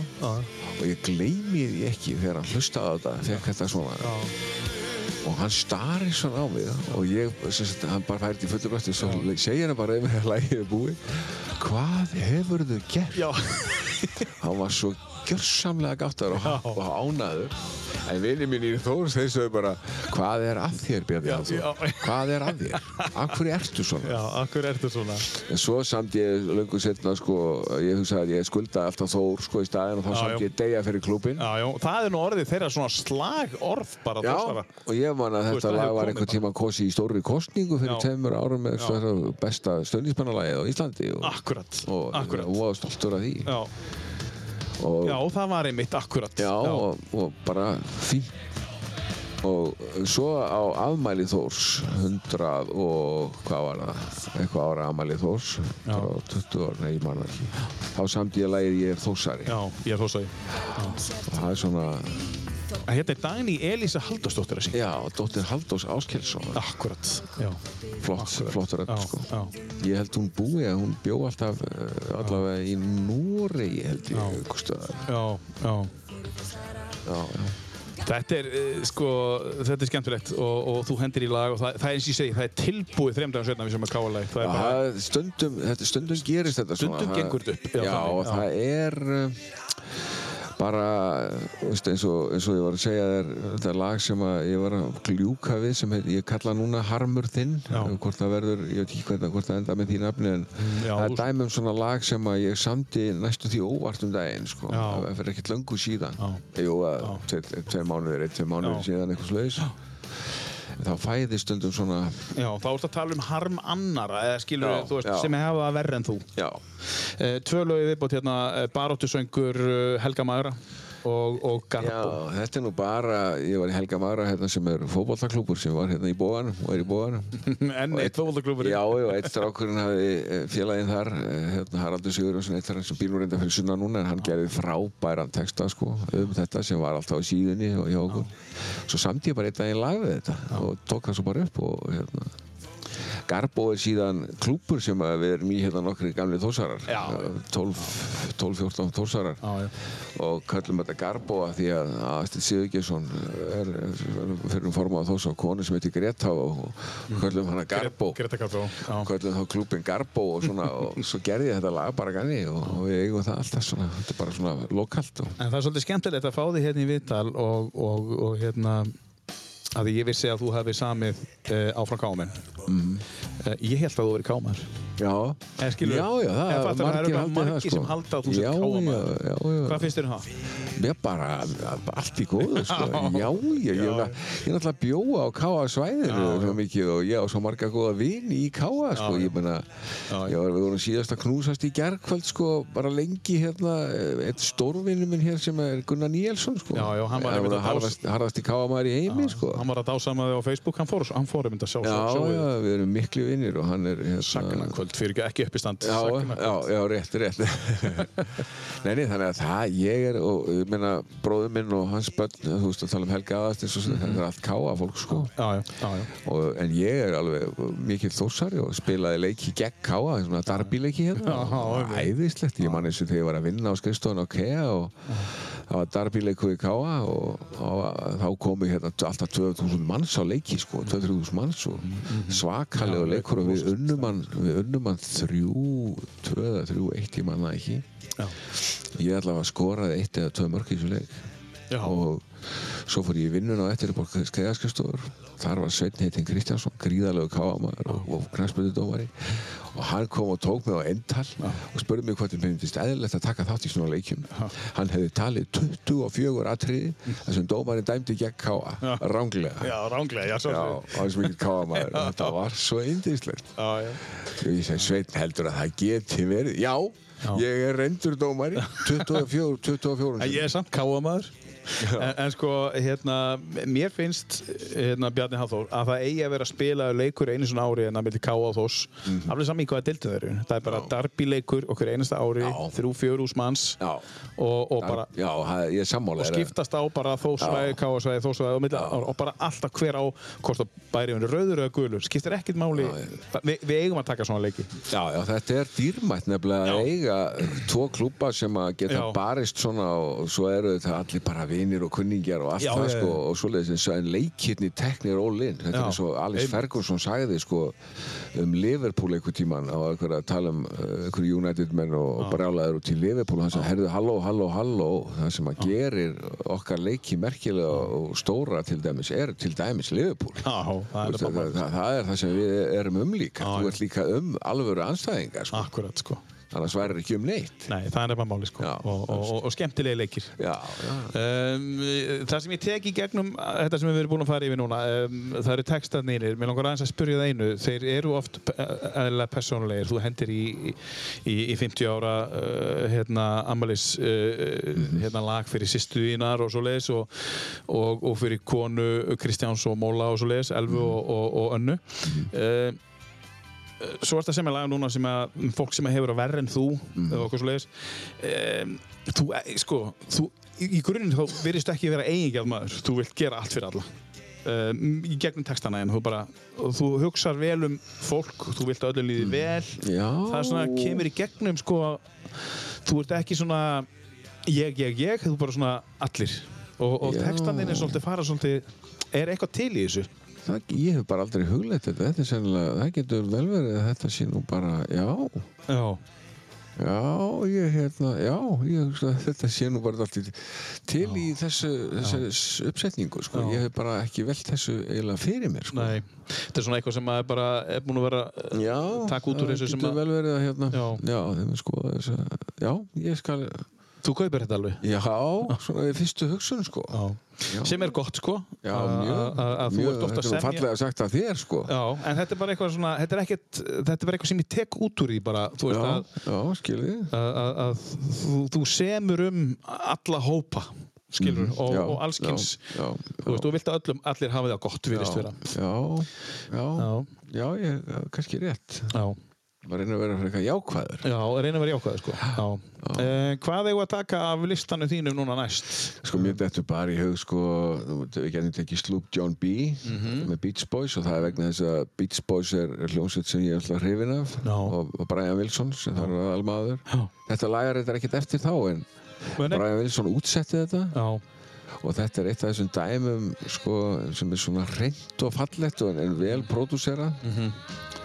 Og svona clean, reynd, einfall lag og flott og já, og Brian Wilson var nú snillingur í því sko að sumir sögðan hefur verið svo fyrsti sem fór að vinna öðruvísi með bassan í, í hérna hljómu þegar þú slærð svona hljóm á hljóðfæri en svo bara segjum, ímyndum okkur svona hljóm sem er til dæmis sé-hljómurinn, bara venjulegu hljómur sem er á nóturnar í orðum er sé, e og g svona þrjár, þrjár og mynda svona hljóm.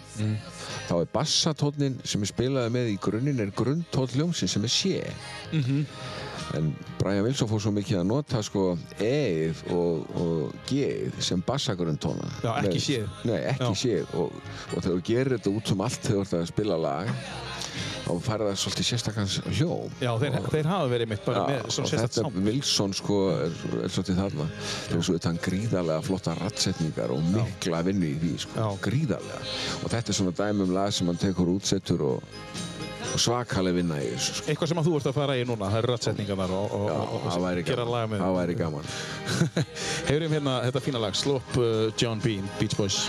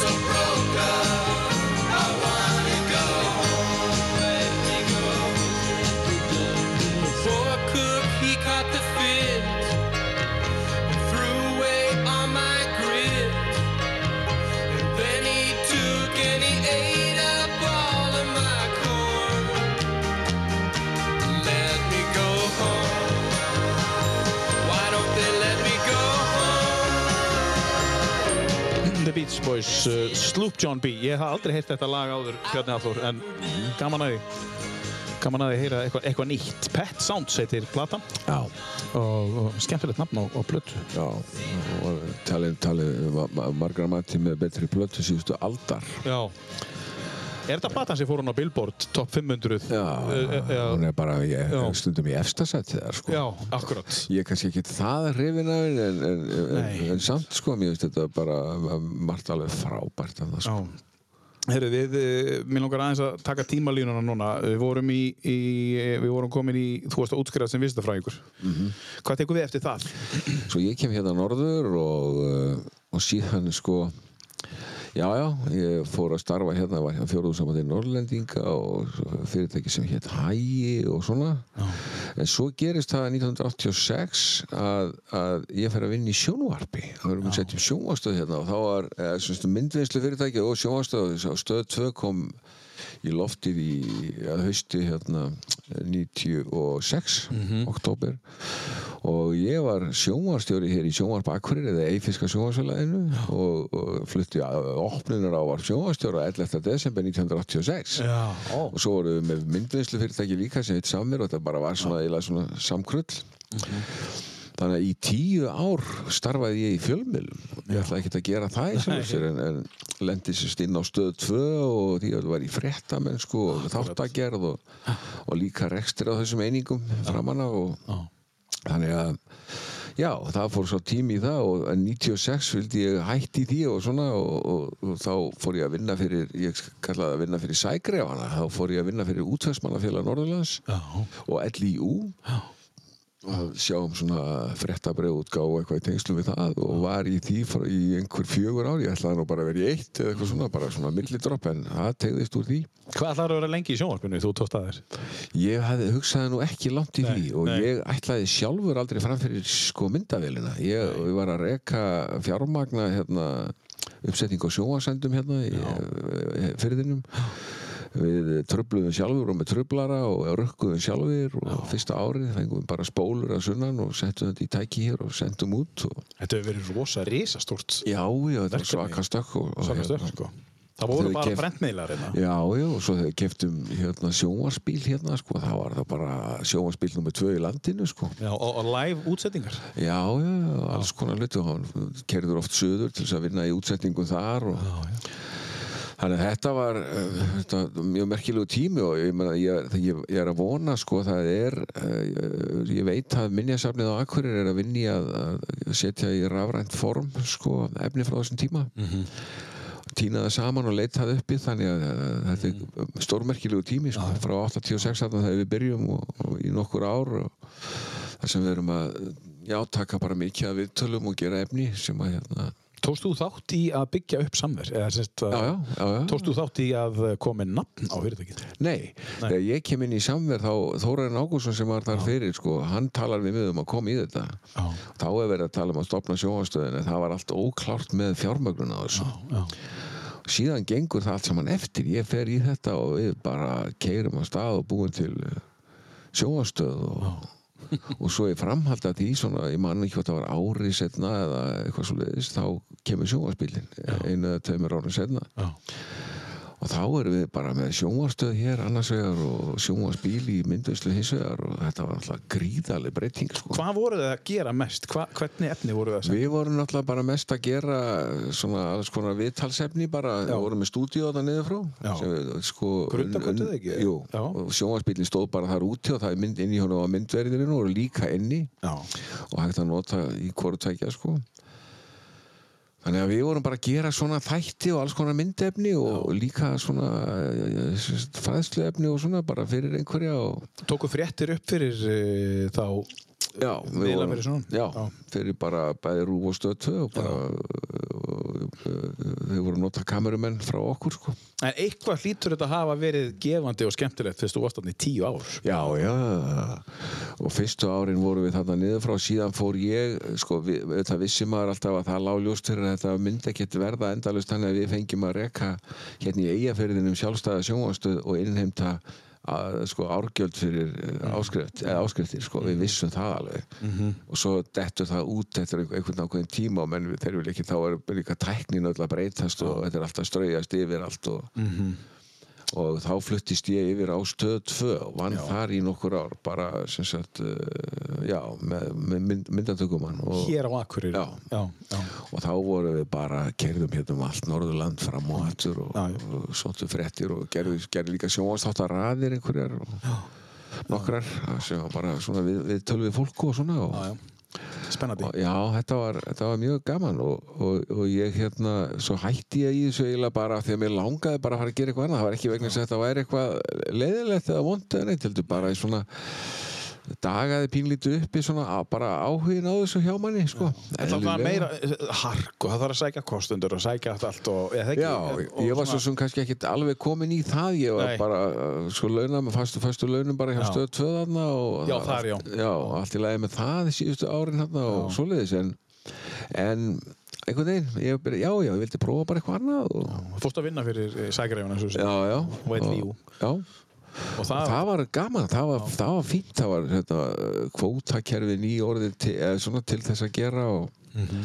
vera að rífast um það og það var bara fínt standið í einhverju svona þrefi út á suður, já, já, það var bara gaman En þá nýttist á, uh, nýttist, varstu komin með, þú ert viðskiptafræðingur þá Já, og, og ert að starfa þá sem hvað hjá LIU? Varstu, hvað Nei, starfi þá, gengt? já, þá var ég bara nær því að vera í svona eh, sko, fjölmiðla tengingunum og, Já, talsmaður. Já, já. Já. má segja það sko Já. og, og vinna svona fræðsluefni og, og já, svona fréttabrifum og svona sem að skilur við Og þá kemur það út af tíu síðustu árum líklega bara uh, reynslaðin þaðan, bara beint inn í, inn í, inn í það fyrirtæki. Já, og, já, já, það, það nýttist allt saman og samskipti og tengsl og ég það þekkti alla fjölmiðlamenn og, og landinu og allt þetta sko Já, Þannig að það var bara, bara fínt og, og tegðist eiginlega útrúlega úr því. já, hvað varstu lengi? Fjögur ár. Ég ætlaði nú bara, þetta var svona millileikur. Mm. Það eru komið 14 ári í svona smá millileik. Já, þetta sýnir bara hvernig lífið er. Sko. Já, það, er, það er ekki, sko, þú veist aldrei hvað gerist og það er bara fínt að geta hérna, hreift sér til og breytt til og Fórstu það til kea? Nei, þá fór ég í Lífeyrissjón Norðurlands sem já. þá var, sem var forverið í Stapa og var þar í fimm ár Já, akkurat. og síðan fer ég í IKEA. Já, já. Hvað varstu lengi á kea? Ég var þar í einhver 8-9 ár eitthvað já, já. já, já. Og fór svo hugsa mig til reyfings þegar að hérna sonum minn sagði mér að þau var að flytja söður sko. Já, þá vildi hann- já, dóttir mín var bjóð þar og þá Þá varstu allavega með einhvern tíðan dag en þá var engin eftir. Rauninni, Já, sem ekki að börnunum. að börnunum mínu Nei, sko. sískinni voru hér. Já, nei, nei, nei, þau voru líka farin Þau voru líka farin, það var engin hér. Nei, það var ekki af nánustu fjölskyldu það var bara, bara svona allir vinnirnir og kunningjarnir og allt það sko en. Þú varst eiginlega svona einn eftir þetta þá bara. Já, svona, að að farið. það, það er svolítið þannig nefnilega. En það er nú örugglega margir, Bjarni Hafþór, sem hefðu bara setið vaktina hér og Já, bara, já, þú veist svona, svona, svona í grunninn miklir akkureyringar bara, ég er ekki farin. Ég hefði alveg í sjálf og sig geta gert það sko. En, en ég hefði bara séð á eftir krökkunum. Já, já. ég held að ég, ég, ég hefði alltaf orðið órulegur sérstaklega þegar afastrákarnir voru komin sko. Og eins og þú sagðir, þetta er fólkið sem færi til þess að dikka og þetta er fólkið þitt og þú vilt vera já, og Þetta er lífið. Já, ég, ég fæ mikið út úr samskiptum við þetta fólk og börnin mín og, og sérstaklega náttúrulega barnabörnin þetta er Já, þeir eru núna náttúrulega að verða alltaf stórir. Þeir eru orðnir sko 11 og 15 ára. Já, já, já. og litla er náttúrulega bara fjóra mánuða en, en við erum, höfum verið eh, sem að það veit það margir af því að við höfum verið í félagi við þrýr sko, ég og afastrákarnir sem heitir Leinifélagi Meistarinn. Og við höldum fundi á og til og, og formlega fundi sem að eitthvað er á dagskrá og oft hefur það nú verið um frostpinna og ýmislegt svona sem hefur verið dagskrá og við förum sko ég held er ég- ekki kannski alveg næstum því hafa þeir aldrei til dæmis farið í klippingunni með mér Já. á lífsleiðinni Já, já, ok. og Er það hluti að leinifélaginu? nei, raun og ekki, pappi er að færa að vera með í því Já. en ekki í leinifélaginu Nei, ekki leinifélaginu. og þá förum við eftir uh, klippingu og fáum okkur ís eða eitthvað Hva, hvað það maður að vera orðan gamalt? Hvernig fær litla stelpan að fá Þetta engungu? er góð spurning nefnilega Já. vegna þess að þegar hún fæðist 12. júni, aðfara nótt 12. júni þá voru þeir hjá Afa og ömmu í Sleepover eins og maður segir, þeir voru hjá okkur hérna og svo fæ, fæ ég tilkynningum morgunin hún er fætt og, og þá heldum við fund í leinifélaginu meistarinn til þess að ræða það hvenar hún uh, ætti að fá inn og það hafa bara fyrsti liður á dagskrá. Það er alltaf einn liður á dagskrá einhver sem það þarf að ræða og svo kannski annar og svo önnur mál. Virkilega skemmtilegt. og svo þá kom, ég sá yngri Helgi Þór með uh, þá tillögu að, að, að hún fengi aðgang bara í félagi þegar hún fær að ganga Já. og Pétur Ólafur samþýtti það og ég samþýtti það það var maður gert með handaupprækningu þannig að, að. Lóa verður, hún er til Lóa hún verður, kemur í félagi þegar hún fer að ganga. Já, að það að getur og svolítið verður fróðlegi fundir þegar hún fer að taka þátt í fundunum. Og förum að fara í gegnum dagskráliðina með hana bara gangandi eins árs gamla. Já, sko, ekki þegar hún fyrir að tala, heldur fyrir Nei, það fer að ganga sko. Já, já. Þetta var bara samþykkt og það þýðir ekkert að breyta því. Nei, hún er bara komin inn í félagi og svo, svo er Pétur náttúrulega orðinn svo fullorðin sko, nú er hann að vera 16 ára þannig að það verður mjög spennandi að sjá hvernig mér gengur að halda fundunum kalla í Pétur, Pétur kontu með Já. það verður kannski orðinn á stór og komið bílpróf Og kemur hann bara að keira til. og Lóa tveggja ára Já. og svo skipa ég Pétur að koma á, fundi í leinufélaginu meistarinn Getur ekki sagt þið úr leinifélaginu. Nei, það er, bara föst aðild Först aðild, sko. Já, já. Þetta þetta er virkilega skemmtilegt. Og, og hver átti hugmyndina að því að taka lóu inn? Eh, Bræðurnir eða afinn? Já, sko, ég náttúrulega saði bara strax og Anna var ólétt, sko, Já. að, veist, að nú fær, fær að fjölga í leinafélaginu, sko. Já, já. Það, það kem, sko, þeir vissu það, maður, sko, það er eina reglum leinafélagsins er að að þeir sem að fá aðganga leinafélaginu er, er bara þeir sem geta mig afa. Já, já, já. í þessari jörðu. Akkurat. og það er bara reglan sko. Nú svo voru þeir, þeir náttúrulega koma ofta að gista hjá okkur af að hafa gert það í gegnum árin. Og, og svo var ég stundum að segja þeim sögur af, af kvolpi sem að heiti, var skýrðu tríó í sögunum. Og uh, svo örðu þessar sögur til einhvern veginn og, og hérna það sem hann lendi óvart úr sveitinni heima á Kásnesið og svo er þetta mikill rannsóknar kvolpur og hann lendir í að fljúa og dróna upp og dróna yfir fósvóginum og hann fyrir inn í jarðgöng og hann lendir hér og þar og hann lendir í alls konar málum. Og svo var bara ákveðið að afi myndi skrifa þessar sögur niður og þær fór í bók sem heitir Tríó lendir í æventýrin sem að er í prentun núna Spennandi. og svakalega flott myndskrift af, af konu sem heitir Freydís Kristjánsdóttir snildalega gert Já. Þannig að þetta er bara, mér finnst þetta bara hinn mesta gersemi að horfa á þetta og býða eftir henni úr prentuninni spenntur Já, sko. Er þetta fyrsta barnabókin? já, já, já, Já. og hérna, já, já, já. Verður barna, kannski verður þetta einhver, flokkur. Tríó gerir eitt, tríó tríó gerir Já, já, já, það er spurning. Já, já Svo kannski verður svo elsti einhver penni og fara að skrifa eina bók. Já, Elstir í, í, í, í meistara í, félagi meistara meistaranir Herðu, um, hendum í lag uh, og uh, við skulum sjá uh, hvað við taka. Við erum eitt hérna sem við ætlum að spila á, á YouTube mögum ekki gleyma því. Já, ok. En það, uh, þú ert þetta með til dæmis uh, Kritisk Clearwater lagið uh, hef ég eftir síður reyn Já, og, og ástæðan fyrir að ég skaut því með er svo að þegar ég var unglingur þá fór ég í vaglaskó í ferð og uh, með mig voru meðal annars sískinni úr aðaldalum sem að hérna gott fólk og við vorum öll bara úlingar þegar við erum í vaglaskói, ég ætli, ég man ekki ég hef verið 14 ára, nei 15 ára 16 ára, eitthvað svo, já ég það ekki þá fá allt í henni fréttir af því í vaglaskói að tiltekinn ungur maður hafi svift sér lífi á Húsavík. Og hann var bróðir þessara tækja sem voru með mér í bekk sko. Já, og uh, hann var 19 ára gamall þetta var mikill harmdauði. Uh, frábær náingi og skáldmæltur með afbreyðum og skemmtilegur. Já, en þetta fór svona. Já, og ég frétti þetta þar sem ég er inn í vaglaskói góðu veðri bara kvöldi til. Fekk auðvitað algjört áfall ég er úlingur sko. Já, já. Þekktir hann vel og 15 ára, já svona. Þetta er náttúrulega sérstaklega Já, sískina systkini hans, já. Já. og, og ég sé hvar það er verið að fara með þau í burtu þegar mér er sagt þetta það er, það er verið að fara með þau sem setja auðvitað af staðnum og eitthvað svona Já. og í beinum framhald að þessu spila hljómsveitin, ég held að það hafi verið mánar frá Selfossi, Já. spila lægið Have You Ever Seen the Rain Já. síðan, og þetta er feikilega flott lag en Já. það situr alltaf í mér á mjög sterkan hátt Eftir þessa svona Tengir við þetta? Já. Já, já. tilfinningarlega moment Já, fyrstskipti sem ég heyri lægir eða ekki kannski endilega fyrstskipti sem ég heyri það en Nei, svona- sem það taldi svona inn sko. Sem að taldi svona einu, já. Já. Að- að það fara að vera með. Um, have you ever seen the rain? Creedence Clearwater Revival. Östut.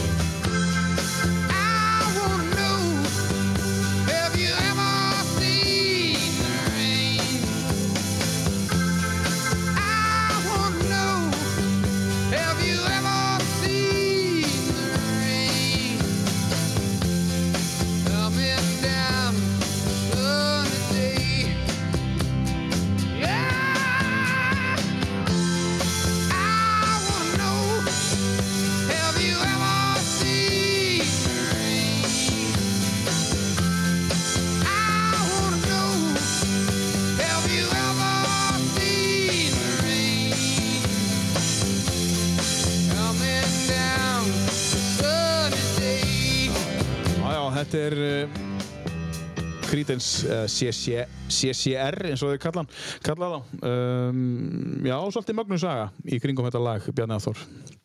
Já. Um, hvað finnst þér gaman að gera fyrir utan það sem er tónlist uh, eða skrifa? Hvað gerur þá?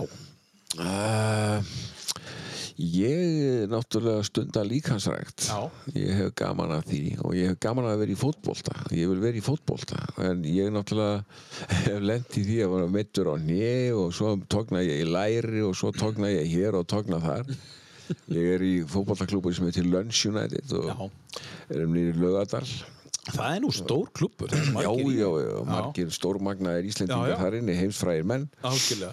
og við erum með tíma hérna þreysar í viku en, en ég hef bara verið dálítið óheppinn sko að, að hérna, meiða mig og svona og ég held að parkin hafi líka verið að tröfla mig sérstaklega hérna, áður meira en, en, en ég veit það ekki. Maður veit aldrei hvar hann er akkurat að tikka inn og hvar ekki því að ef ég fæ tognun hér og tognun þar þá getur þetta verið bara því ég er að reyna á mig og gleymi mér og gera það svo mikið en það getur líka verið að dopamin skorturinn sem að parkin veldur sé að trubla einhverja vöðva og eitthvað svona maður bara er ekki alveg klár.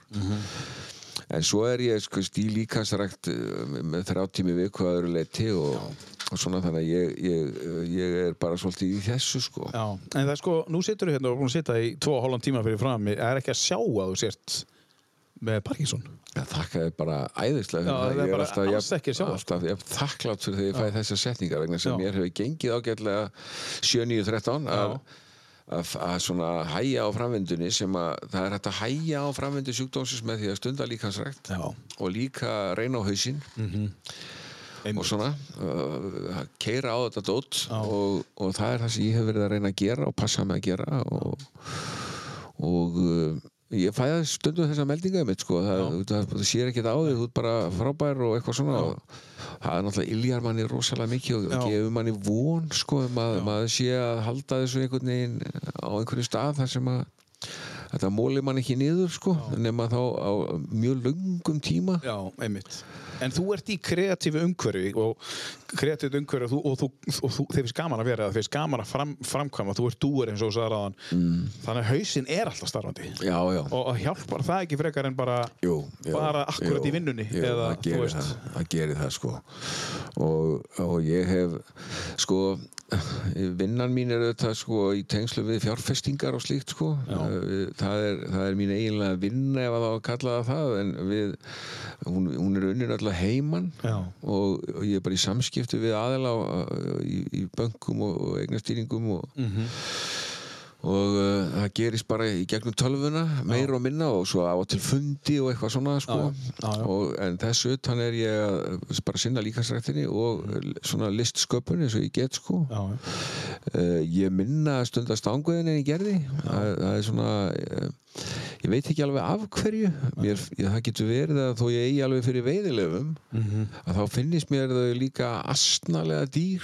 Já, þetta einmitt. astnalegt af því að, af því að ég mér finnst gaman að veiða en á ég að borga mörg hundruð þúsund fyrir að veiða þrjá laxa einhvers staðar? Það- þó þessi gaman að veiða þá skilur þetta er svona Ég finn það, mér finnst þetta svona, uh, já, Já, þú orðar það bara rétt, þetta er asnalegt. já, mér finnst Já. það pínu svona, Já. svona, fæ svona, svona skrýtna tilfinningu, Já, svona, en allt í lægi, en hérna, þannig að ég hef svona aðeins dreigið einhvern veginn úr því, Mhm. það getur líka verið, ég, ég er uh, vegna parkans, þá, þá fæ ég svona á aðeins óryggistilfinningu ef ég er að vaða út í eitthvað fljót með grjóti og svona, Já, ég skilji.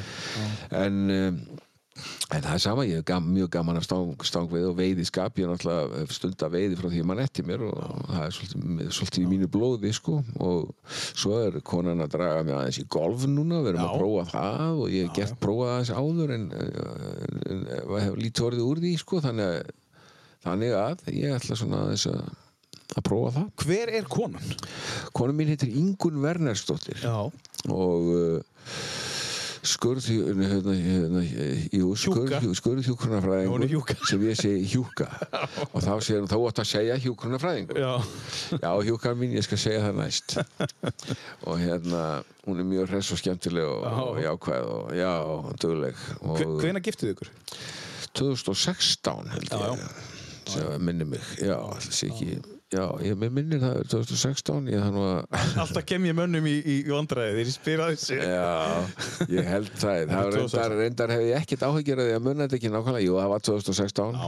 að, að hérna vegna þess að hún Já. glemdi brúkásdeginum árið í setna. En ég mundan, let hana ekki vita það, Nei. Talaði svo eitthvað við hana, við vorum einhver staðar í mann ekki varum stödd og kveikt á símanum svo, þetta var nefnilega ekkit vel gert.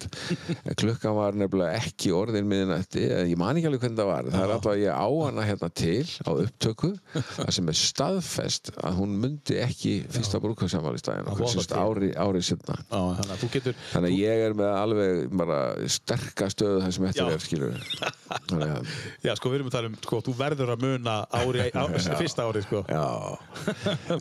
ári, sko. já já, hún bara Já, hún er hérna sko, sko, star, En hún hefur ekki starfað veit í mörg ár, sko Hún, hún fór í fjárfestingar einhver tíman á sinni tíma eitthvað og, Já, og svo náttúrulega fór, sko, hún prófaði allt í því sjálfur sér, sko og svo Já. kom hrun og, og, og, og þá var það með fyrir einhverju skada af því en hún, sagt Við, hún er líka að glíma við eins og ég ákveðna hluti, hún er, hún er að fást við giktarsjúkdóma, tvo já. og þannig að við erum svolítið þurfum að halda þess að áfram að vera jákvæð og, og Já, svona og reyfa sig og, og, og Já. spila golf og hafa yes, gaman. yes, þetta er akkurat málið það er, hafa gaman, sko. já, það er reyna það einmitt og hérna, við reyna að vera jákvæðir eins og maður getur En að elda, hvað hva gerir þið eldi? Hvað er svona uppáhaldsmaturinn? Áttu þér Uh, uppáhaldsmat? Nei, málið er það að ég er hérna algera alæta Já. og, og hérna ég borða allt, mér finnst allt gott og man ekki eftir að lendi í neinu sem ég finnst ekki gott. Borðuðu uh, döðlur? Já, uh, allt bara og, og hérna hún Inga er stillingur að gera mat. Hún hefur gaman af að elda. Já.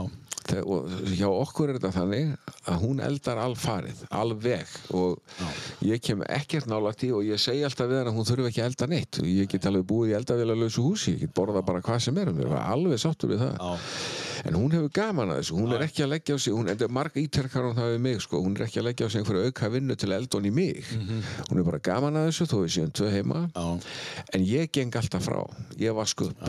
Og málið er það að það er ekki bara vegna þess að ég er svo svona duglegur heldur hef ég ákveðna áráttu hegðun Excel maðurinn fyrir því að mig langar ég, ég á mjög erfitt með að þóla óhreint leirtau og svona drasl á bekknum sko ég hef einhverja þörf fyrir að skúra þetta allt burt og fjarlæga þetta. Já. þannig að það líti helst út fyrir það sem allra fyrst að það hafi engin verið þarna og ég veit ekki hvað ég er svona en, en ég virkar rosalega duglegur sko.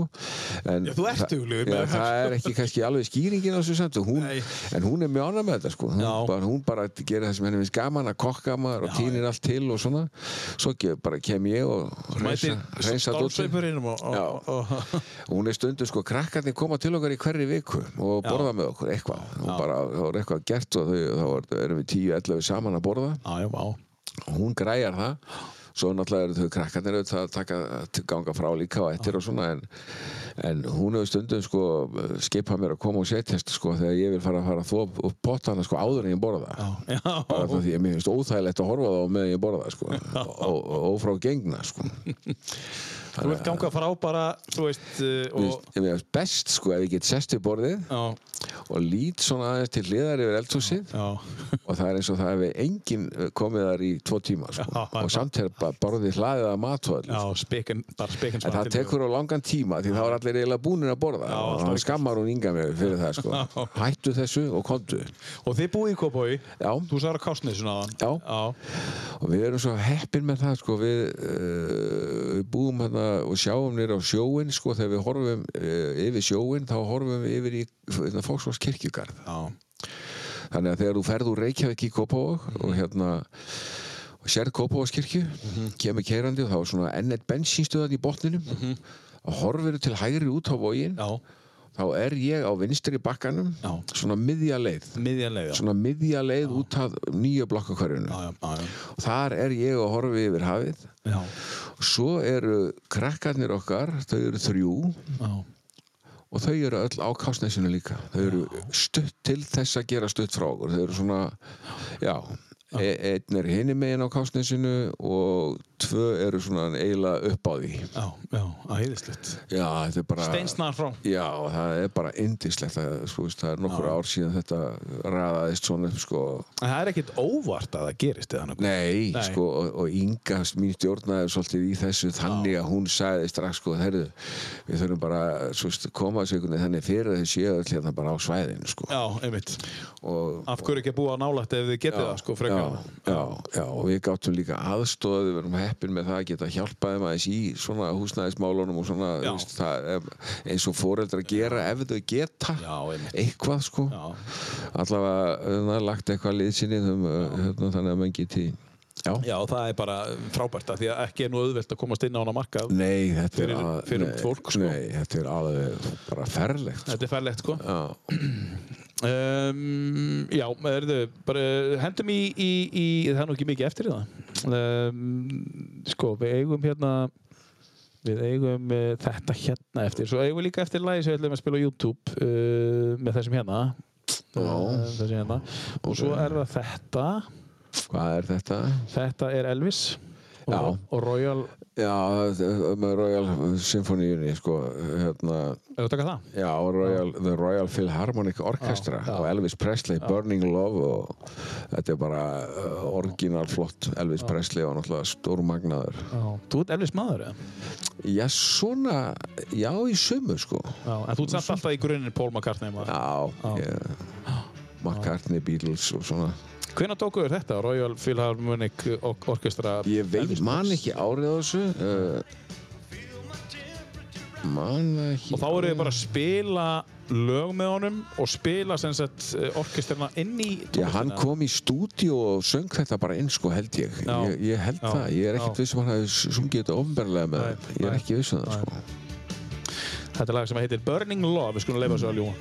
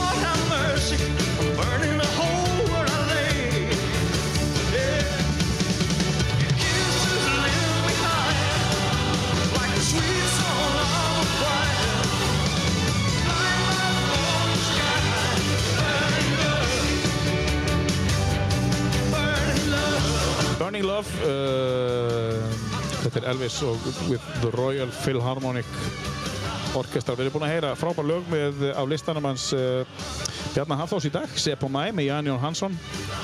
Obla Dí Obla Da. Við fengum söguna yfir hvað Obla Dí Obla Da. Við höldum að haldi uh, þýði. Margaret Eyre og Heyr Himnasmiður. Here comes uh, the sun með Beatlunum Beach Boys Sloop John B. Um, Svo þetta, Elvis Paul McCartney Little Willow sem við skorum á okkur að hlusta á texta á. Og svo Creedence Clearwater Revival sem var svolítið hjartnæm svona saga á bakvið það Have You Ever Seen The Rain? Fekk að vera með uh, tölu eftir. Um, og þá verð ég að spyrja uh, um, bókin sem er að koma núna. Um, þetta er fyrsta barnabókin. Hvað hefur skrifað meira? Sko ég hef í raun og veru sko, ég, það sem ég hef skrifað svona bara eru svona einhverju prívat hlutir sko, ekkert, ekkert uh, sko ég skrifaði bara bókina tími til að tengja tíma og svo þessa barnabók og uh, ég hef ekkert skrifað meira sem hefur komið út allavega ekki sem ég man eftir. Og uh, þetta er bara Sko ég er með eh, ákveðna hluti í skoðun og það getur vel verið að verði af því að ég hérna skrifa kannski, geri kannski bók um uh, ég er ekki alveg ákveðin í þessu sko en, en þessi sagnakvöld sem ég er með núna þessi tvö, það getur vel verið að ég skrifi þau uh, niður sko, að láti skrifa þau og, og, og prófi að útbúa þau í skrifað, skrifað form jáfnvel og uh, sem hugsanlega er þá bara lesið inn líka á Storytelli eða bara hvort að trakkið á sagnarkvöldinu er þið sett ángað inn. Já, en ef ég setti þetta í bók kannski svona sögur og ég, ég spáði að gera dægulega textana mína og segja frá þeim og byrta þá skrifa og skrifa um þá og svo uh, setja bara semja ný ljóð. Það eins og geða fara inn í það þá get ég gett þetta í einni bók sem var ljóð ný. Já. dægulega textatinn mínu með útskýringum svona sögum. Og kannski sagnarkvöldin þetta getur verið svolítið svona öðruvísi bók. Bara allt með Bjarnar Já, Hafþór allt í einni bók. Já. skiptir svona Já. skipt þetta, þetta er ein hugmynd sem ég er svona aðeins að velta fyrir mér. Ég veit ekki hvort hún verður að veruleika. En hvað með uh, skáldsögu? Uh, fullorðins skáldsögu Já. hefur aldrei verið beðin um að skrifa Jó, það hefur oft verið rætt eh, Já. við mig sko og, og, það sem þú ert mikill sagnamaður sko. Já, já, menn hafa sagt ég að skrifa og skrifa og skrifa og, og, og sérstaklega eftir að tengja bókin kom Já. út sko þá hafa sömur rætt þetta við mig og sagt þú verður að skrifa áfram og skrifa meira Ég, það getur vel verið og það, en ég er ekki vissum sko, þessar stóru skáldsöguform sko, eru eh, ég er, veit ekki alveg hvað jú, jú, það, það mér finnst svona áhugaverðar í stittir í skáldsögur heldur en þessi stóru gamlu verk sko, ég held að þeirra tími segja vel meira líðin Já, ég held að líka, við vorum að tala hérna við Átna Átnás og Rittöfund bara hérna sem var rétt á undan þér í, í hann er nýbúin að gefa bók. Og voru að tala um svona góð bók er svona kannski 200 blaðsjur Já. í dag, svona þessi þykkt hérna. Já. þetta má ekki vera mikið meira við höfum ekki antikli, við, það við er erum ekki svo- að taka J.R.R. Tolkien sko, Tolkien þetta hérna sko. Það er líka, þú veist, einstaklingur í dag, sko, hann hefur, þetta er svo, hún býðst svo margt sem áreitir augu og eru Já, frá byrjun til um, um, allan daginn. já, Þegar þessi stóru bæku voru að koma út, sko, þá var þetta svo þakklátt, já sko. þetta var það eina sem þú hafði sko, já, Og ég var ofta að hugsa um, sko, hvernig heilastarfseminn var hjá mönnum, sko, ef maður kannski var í sveit um miðja síðustu öld, já, svo kannski að voru til kom maður í heimsókn og dvaldi eh, daglangt í húsinu og sagði að þeirra sögur. já, þá gætt fólki sko með rífunar allt sumarið hugsaði um þess að þrjár sögur Já. fram og aftur. Já og rætt hana já, fram og já, og tilbaka þá kom hann Hjalti hérna og hann sagði okkur sér svona frá þessu. Og hann, þú maður nú hvað hann Hjalti sagði. Já. Hjalti sagði að það væri já, það er rétt þegar Hjalti kom. Og þá getur menn bara verið í þessu. Já, já. en í dag færðu þessar þrjár sögur sko á þremur mínútum með einhverjum úrdráttum og fyrirsögnum. Já, já. og svo eru aðrar 1200 komnar inn á næsta klukkutíma sko. Akkurat sko. Þannig að þetta er alveg gjörbreytt staða. Já, já. Þannig að Þetta er líka gjöfbrið stað varandi hérna, litlubörnin vegna þess að mm, litlubörnin eru alveg uppi að fá bara sketsa og bara punchlines endalust með Já. þessum vídeóum. Já, þannig að það er engin uppbygging einn Nei, staðar. nei. og, og þegar þau ætla svo kannski að fara að horfa á bíómynd í fullulengt já. að það er svo löng uppbygging að einhverju sorglega atriði eða skemmtilegu að þau hafi ekki þólin með til Nei. þess að býða eftir Nei, það er þetta er, þetta er dálítið merkileg því hvað gerist í, í þessum bransa, það er til þessi hámhorf í sumar þáttaræðir. Já, En ég stundu velti fyrir mig hvað, hvað mun það endast, hvað, þetta, þetta þurfa að vera mjög góða þáttaræði til að hám horfið í þessi stað en Mhm. það er samt sem að vera alveg hægt held ég að fólk Já, getur hort eins og á, á krán og, og hérna. Já, og einhverja svona velgerða þætti um einhverja sögulega tengt eða góða já. Og þá ráða mér líka sínum tíma sjálfur og Algjörlega. horfa á þetta þegar þau vilja og, og þetta, mér finnst þetta kannski svolítið það sem er að koma einhverja kannski svona þáttaræðir jú, jú, og svo einu og einn bíómynd en maður veit bara orðið ekkit í dag. Meina, ég, ég er með alls konar svona rásir heima og alla þessa, þú veist uh, möguleika. Já, já. Svo kveiki ég á sjónvapinu og, og opna á þetta og, og ég skil bara ekkert að því sem er þarna skil, þetta er bara frambóðið svo gríðarlegt Já. að maður er hættur að sjá nokkuð skapaðan hlut Það er þeir veit þetta engin, nöfn á leikurum eða nei, ég veit ekkert hvað þetta er sko. Nei, nei. bara veit ekkert hvað þetta er Síðan var líka kvikmyndarleikstjóri sem satt hérna, Ólafur Jöran uh, frá Akureyri, hann, hann sagði líka þetta að við getum fengið vinnu hjá Netflix ekkert mál svona, bara, en þá eru bara alltaf einhverju gæðir sem segja hvað við erum að gera. Þeir þurfa að fá Já. sko titilinn kvikmyndarleikstjóri Já. til þess að geta gert eitthvað. Já. en, en, en, en síðan er ég búin að standa kannski í 8-9 mánuði að búa til einhverja einhverju serju og þú klárar hann á tveim vikum.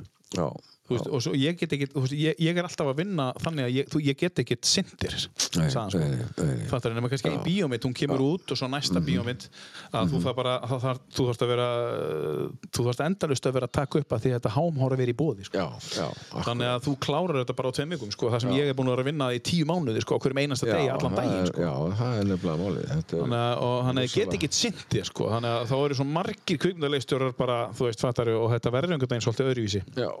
þú er alveg rosalega breytingar sko. um, Bjarni, tölu eftir, Bjarni Hafþór, hvað eigum við að taka?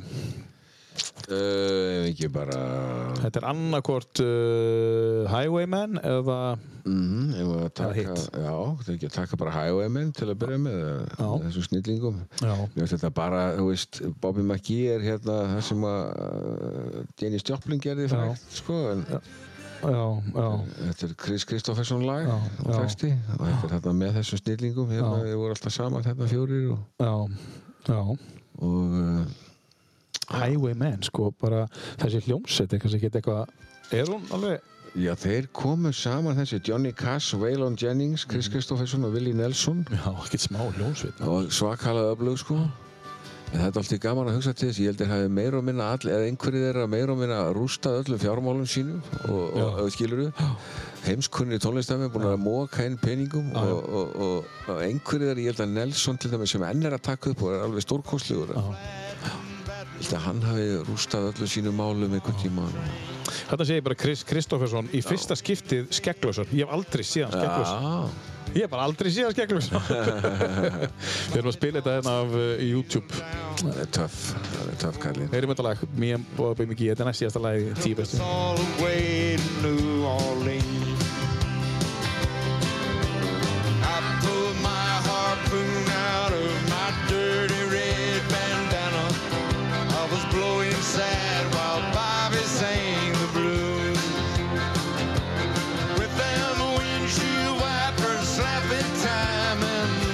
and clapping hands, we finally sang up every song that driver knew.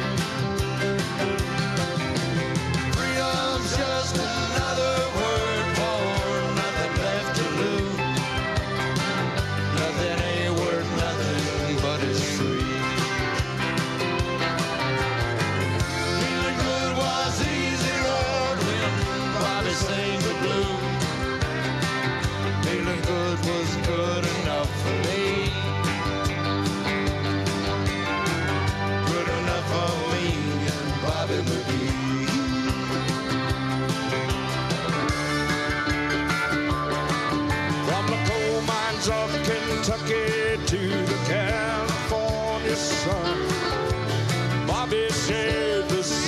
secrets of my soul. Standing right beside the Lord, through everything I've done. Every night she'd keep me from the cold. And then one day near Salinas, Lord,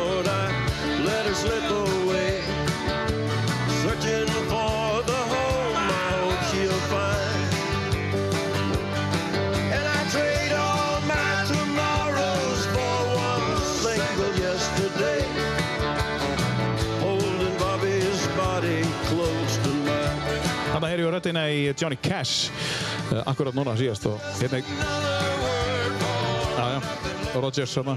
Þetta eru flott, þetta er ekki smá bandmaður. Þetta er síðan 1990 live uh, at Nassau Coliseum. Það eru flottir.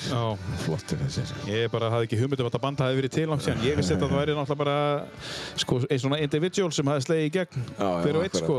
En, Það er slóðu saman hann en tíma þessi bara, þetta var, já, já. já, og voru það að taka svona coverlög þá? Eða voru það að Já, taka þetta, líka? er, þetta er nú þeirra eiginlega, þetta er lag eftir Chris Kristoffersson. já, þetta er lag eftir Chris Já, já, Kristoffersson. það er lag og texti sem hún tók á sinni tíma. Já, einmitt. En já, ég heldur að það sko. Ég held þetta hafi líka orðið til svona sem comeback fyrir það á suma þeirra einhvern veginn úr uh, ábúið ganga eitthvað illa að vera tómt vesen og brass og Já, já. fjármálin í rugli og, og, og, og businessin eða sem sagt vinsældirna kannski uh, út úr myndinum tíma út af einhverju kannski Já, já. annar blæra á markanum og annar tónlist. Þetta Einmitt. country er samt svo orginal Mhm. svo orginal og flott sko country rock Hlustar þið mikið á country? Eða, Nei, eða- sko, mitt vandamál er eiginlega það að ég hlusta eiginlega svo lítið á tónlist, sko. Já. Það er bara eiginlega, hefur alltaf verið þannig að ég er bara að hlusta allt of lítið á tónlist. Það, Já, hérna, ég er bara sest við piano og, eða með gítar og ég minna að ég nú orðið út af Parkinson en, en, Já. En hérna... Væri það ekki gott fyrir þið samt að gera það? Jú, Fínu jú, hreyfingunar og jú, allt jú, þetta? ég þarf að, jú, að aðtast meira á piano. Það gera það svolítið. Þegar, ég er semja þá nota ég piano. Hva, hvað spilar það mörg hljóðfæri þá? Svona, þú. Ég hef bara spilað þessi tvö, þetta gítar og piano. Já. og, og ég setni til eiginlega, bara píanói sko. Já. Ég er svona, já, mér gengur ekki eins vel að halda góðum slætti með hægri hendinni sko, á nei, gítarinn Nei. Þá fíla ég það ekki eins og maður segir það er ekki svona, maður er ekki alveg maður er ekki alveg við lagi sleppu betur á já.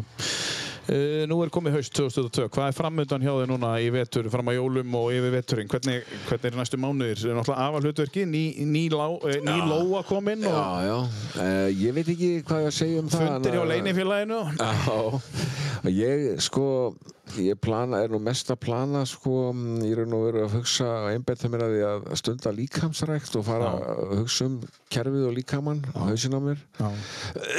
Ég veit ekki alveg hvað ég á að gera í sambandi við þessi sagnakvöld, það er f- bara verið að spurja mig út um allt sko, hvort það ekki ekki gera það fyrir sunnan og Tvö, tvö uppselt kvöld hér. Já, þannig að ég veit ekki alveg, kannski, kannski ger ég eitthvað aðeins í því, ég ætla bara aðeins að hugsa það. Ég, já. hérna, Já, já. Ég gerir bara það sem ég sáttu við einhvern veginn. Mhm. en maður það líka stugga við sér, íta við sér og svona. Þannig að ég er kannski mest að hugsa aðeins í þessu og, og hérna og síðan nýri tónlist Já, já. Sem sagt, Já, já. sex, sex, sjö lögum jafnvel sko sem að gæti farið að vinna í, með Þóri Úlfars. Spennandi.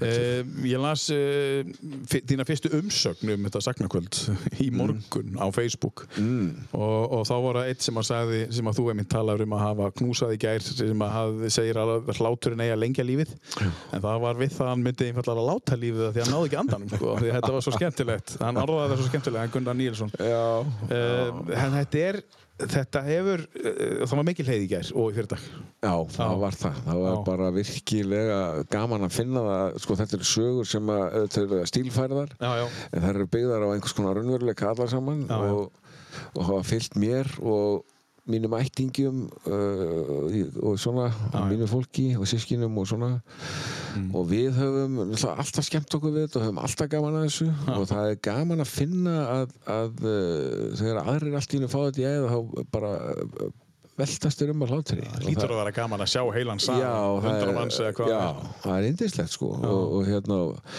og þá, eh, sem sagt, já af því að stundum heldur maður að Æ, við erum að hlæja að þessu sískinin sko, frændur mínir, við erum frængur mínir, við erum að hlæja að þessu saman sko, afa, þetta þegar hann var orðin rugglaður og eitthvað svona Mhm. svo segir maður söguna bara yfir eitthvað svona hópi sem brjálast úr hlátri. Þú veist, þá einhvern veginn, já. En það er ekki bara sagan, það er hvernig þú segir hana líka. Já, takk fyrir það, já. það er nú bara þannig. Og Já. þú ert sögumæður eins og pappi þín var.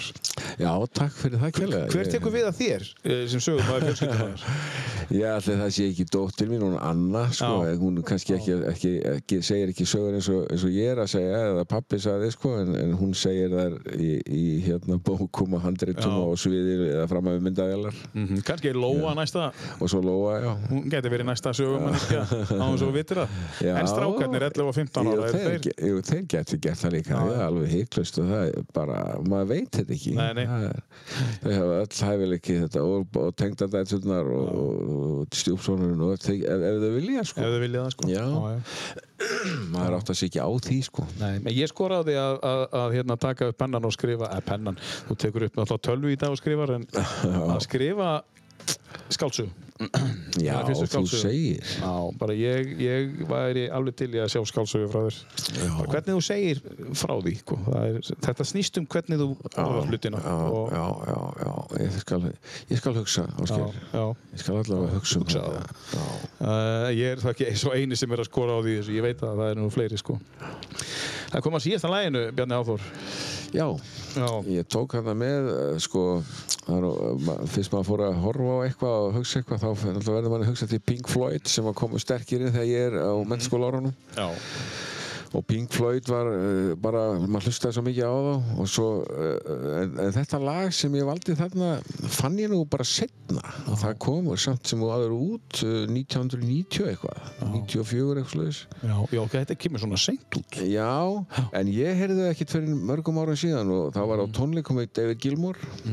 Og, og uh, ekki í raun og verið Pink Floyd beint en 94, hár rétt hjá þér. Já, á The Division Bell plötunni og þannig að það er svona eftir að ég var mest að hlusta á. Það en mér finnst þetta lag feikilega gott sem heitir Coming Back to Life og, og mér finnst þó Roger Waters hafi samið uh, mikið af lögunum sko fyrir Pink Floyd þá finnst mér Gilmore alltaf svolítið Pink Floyd. Já, já, já, ég, ég finnst hann alveg frábær tónlistamæður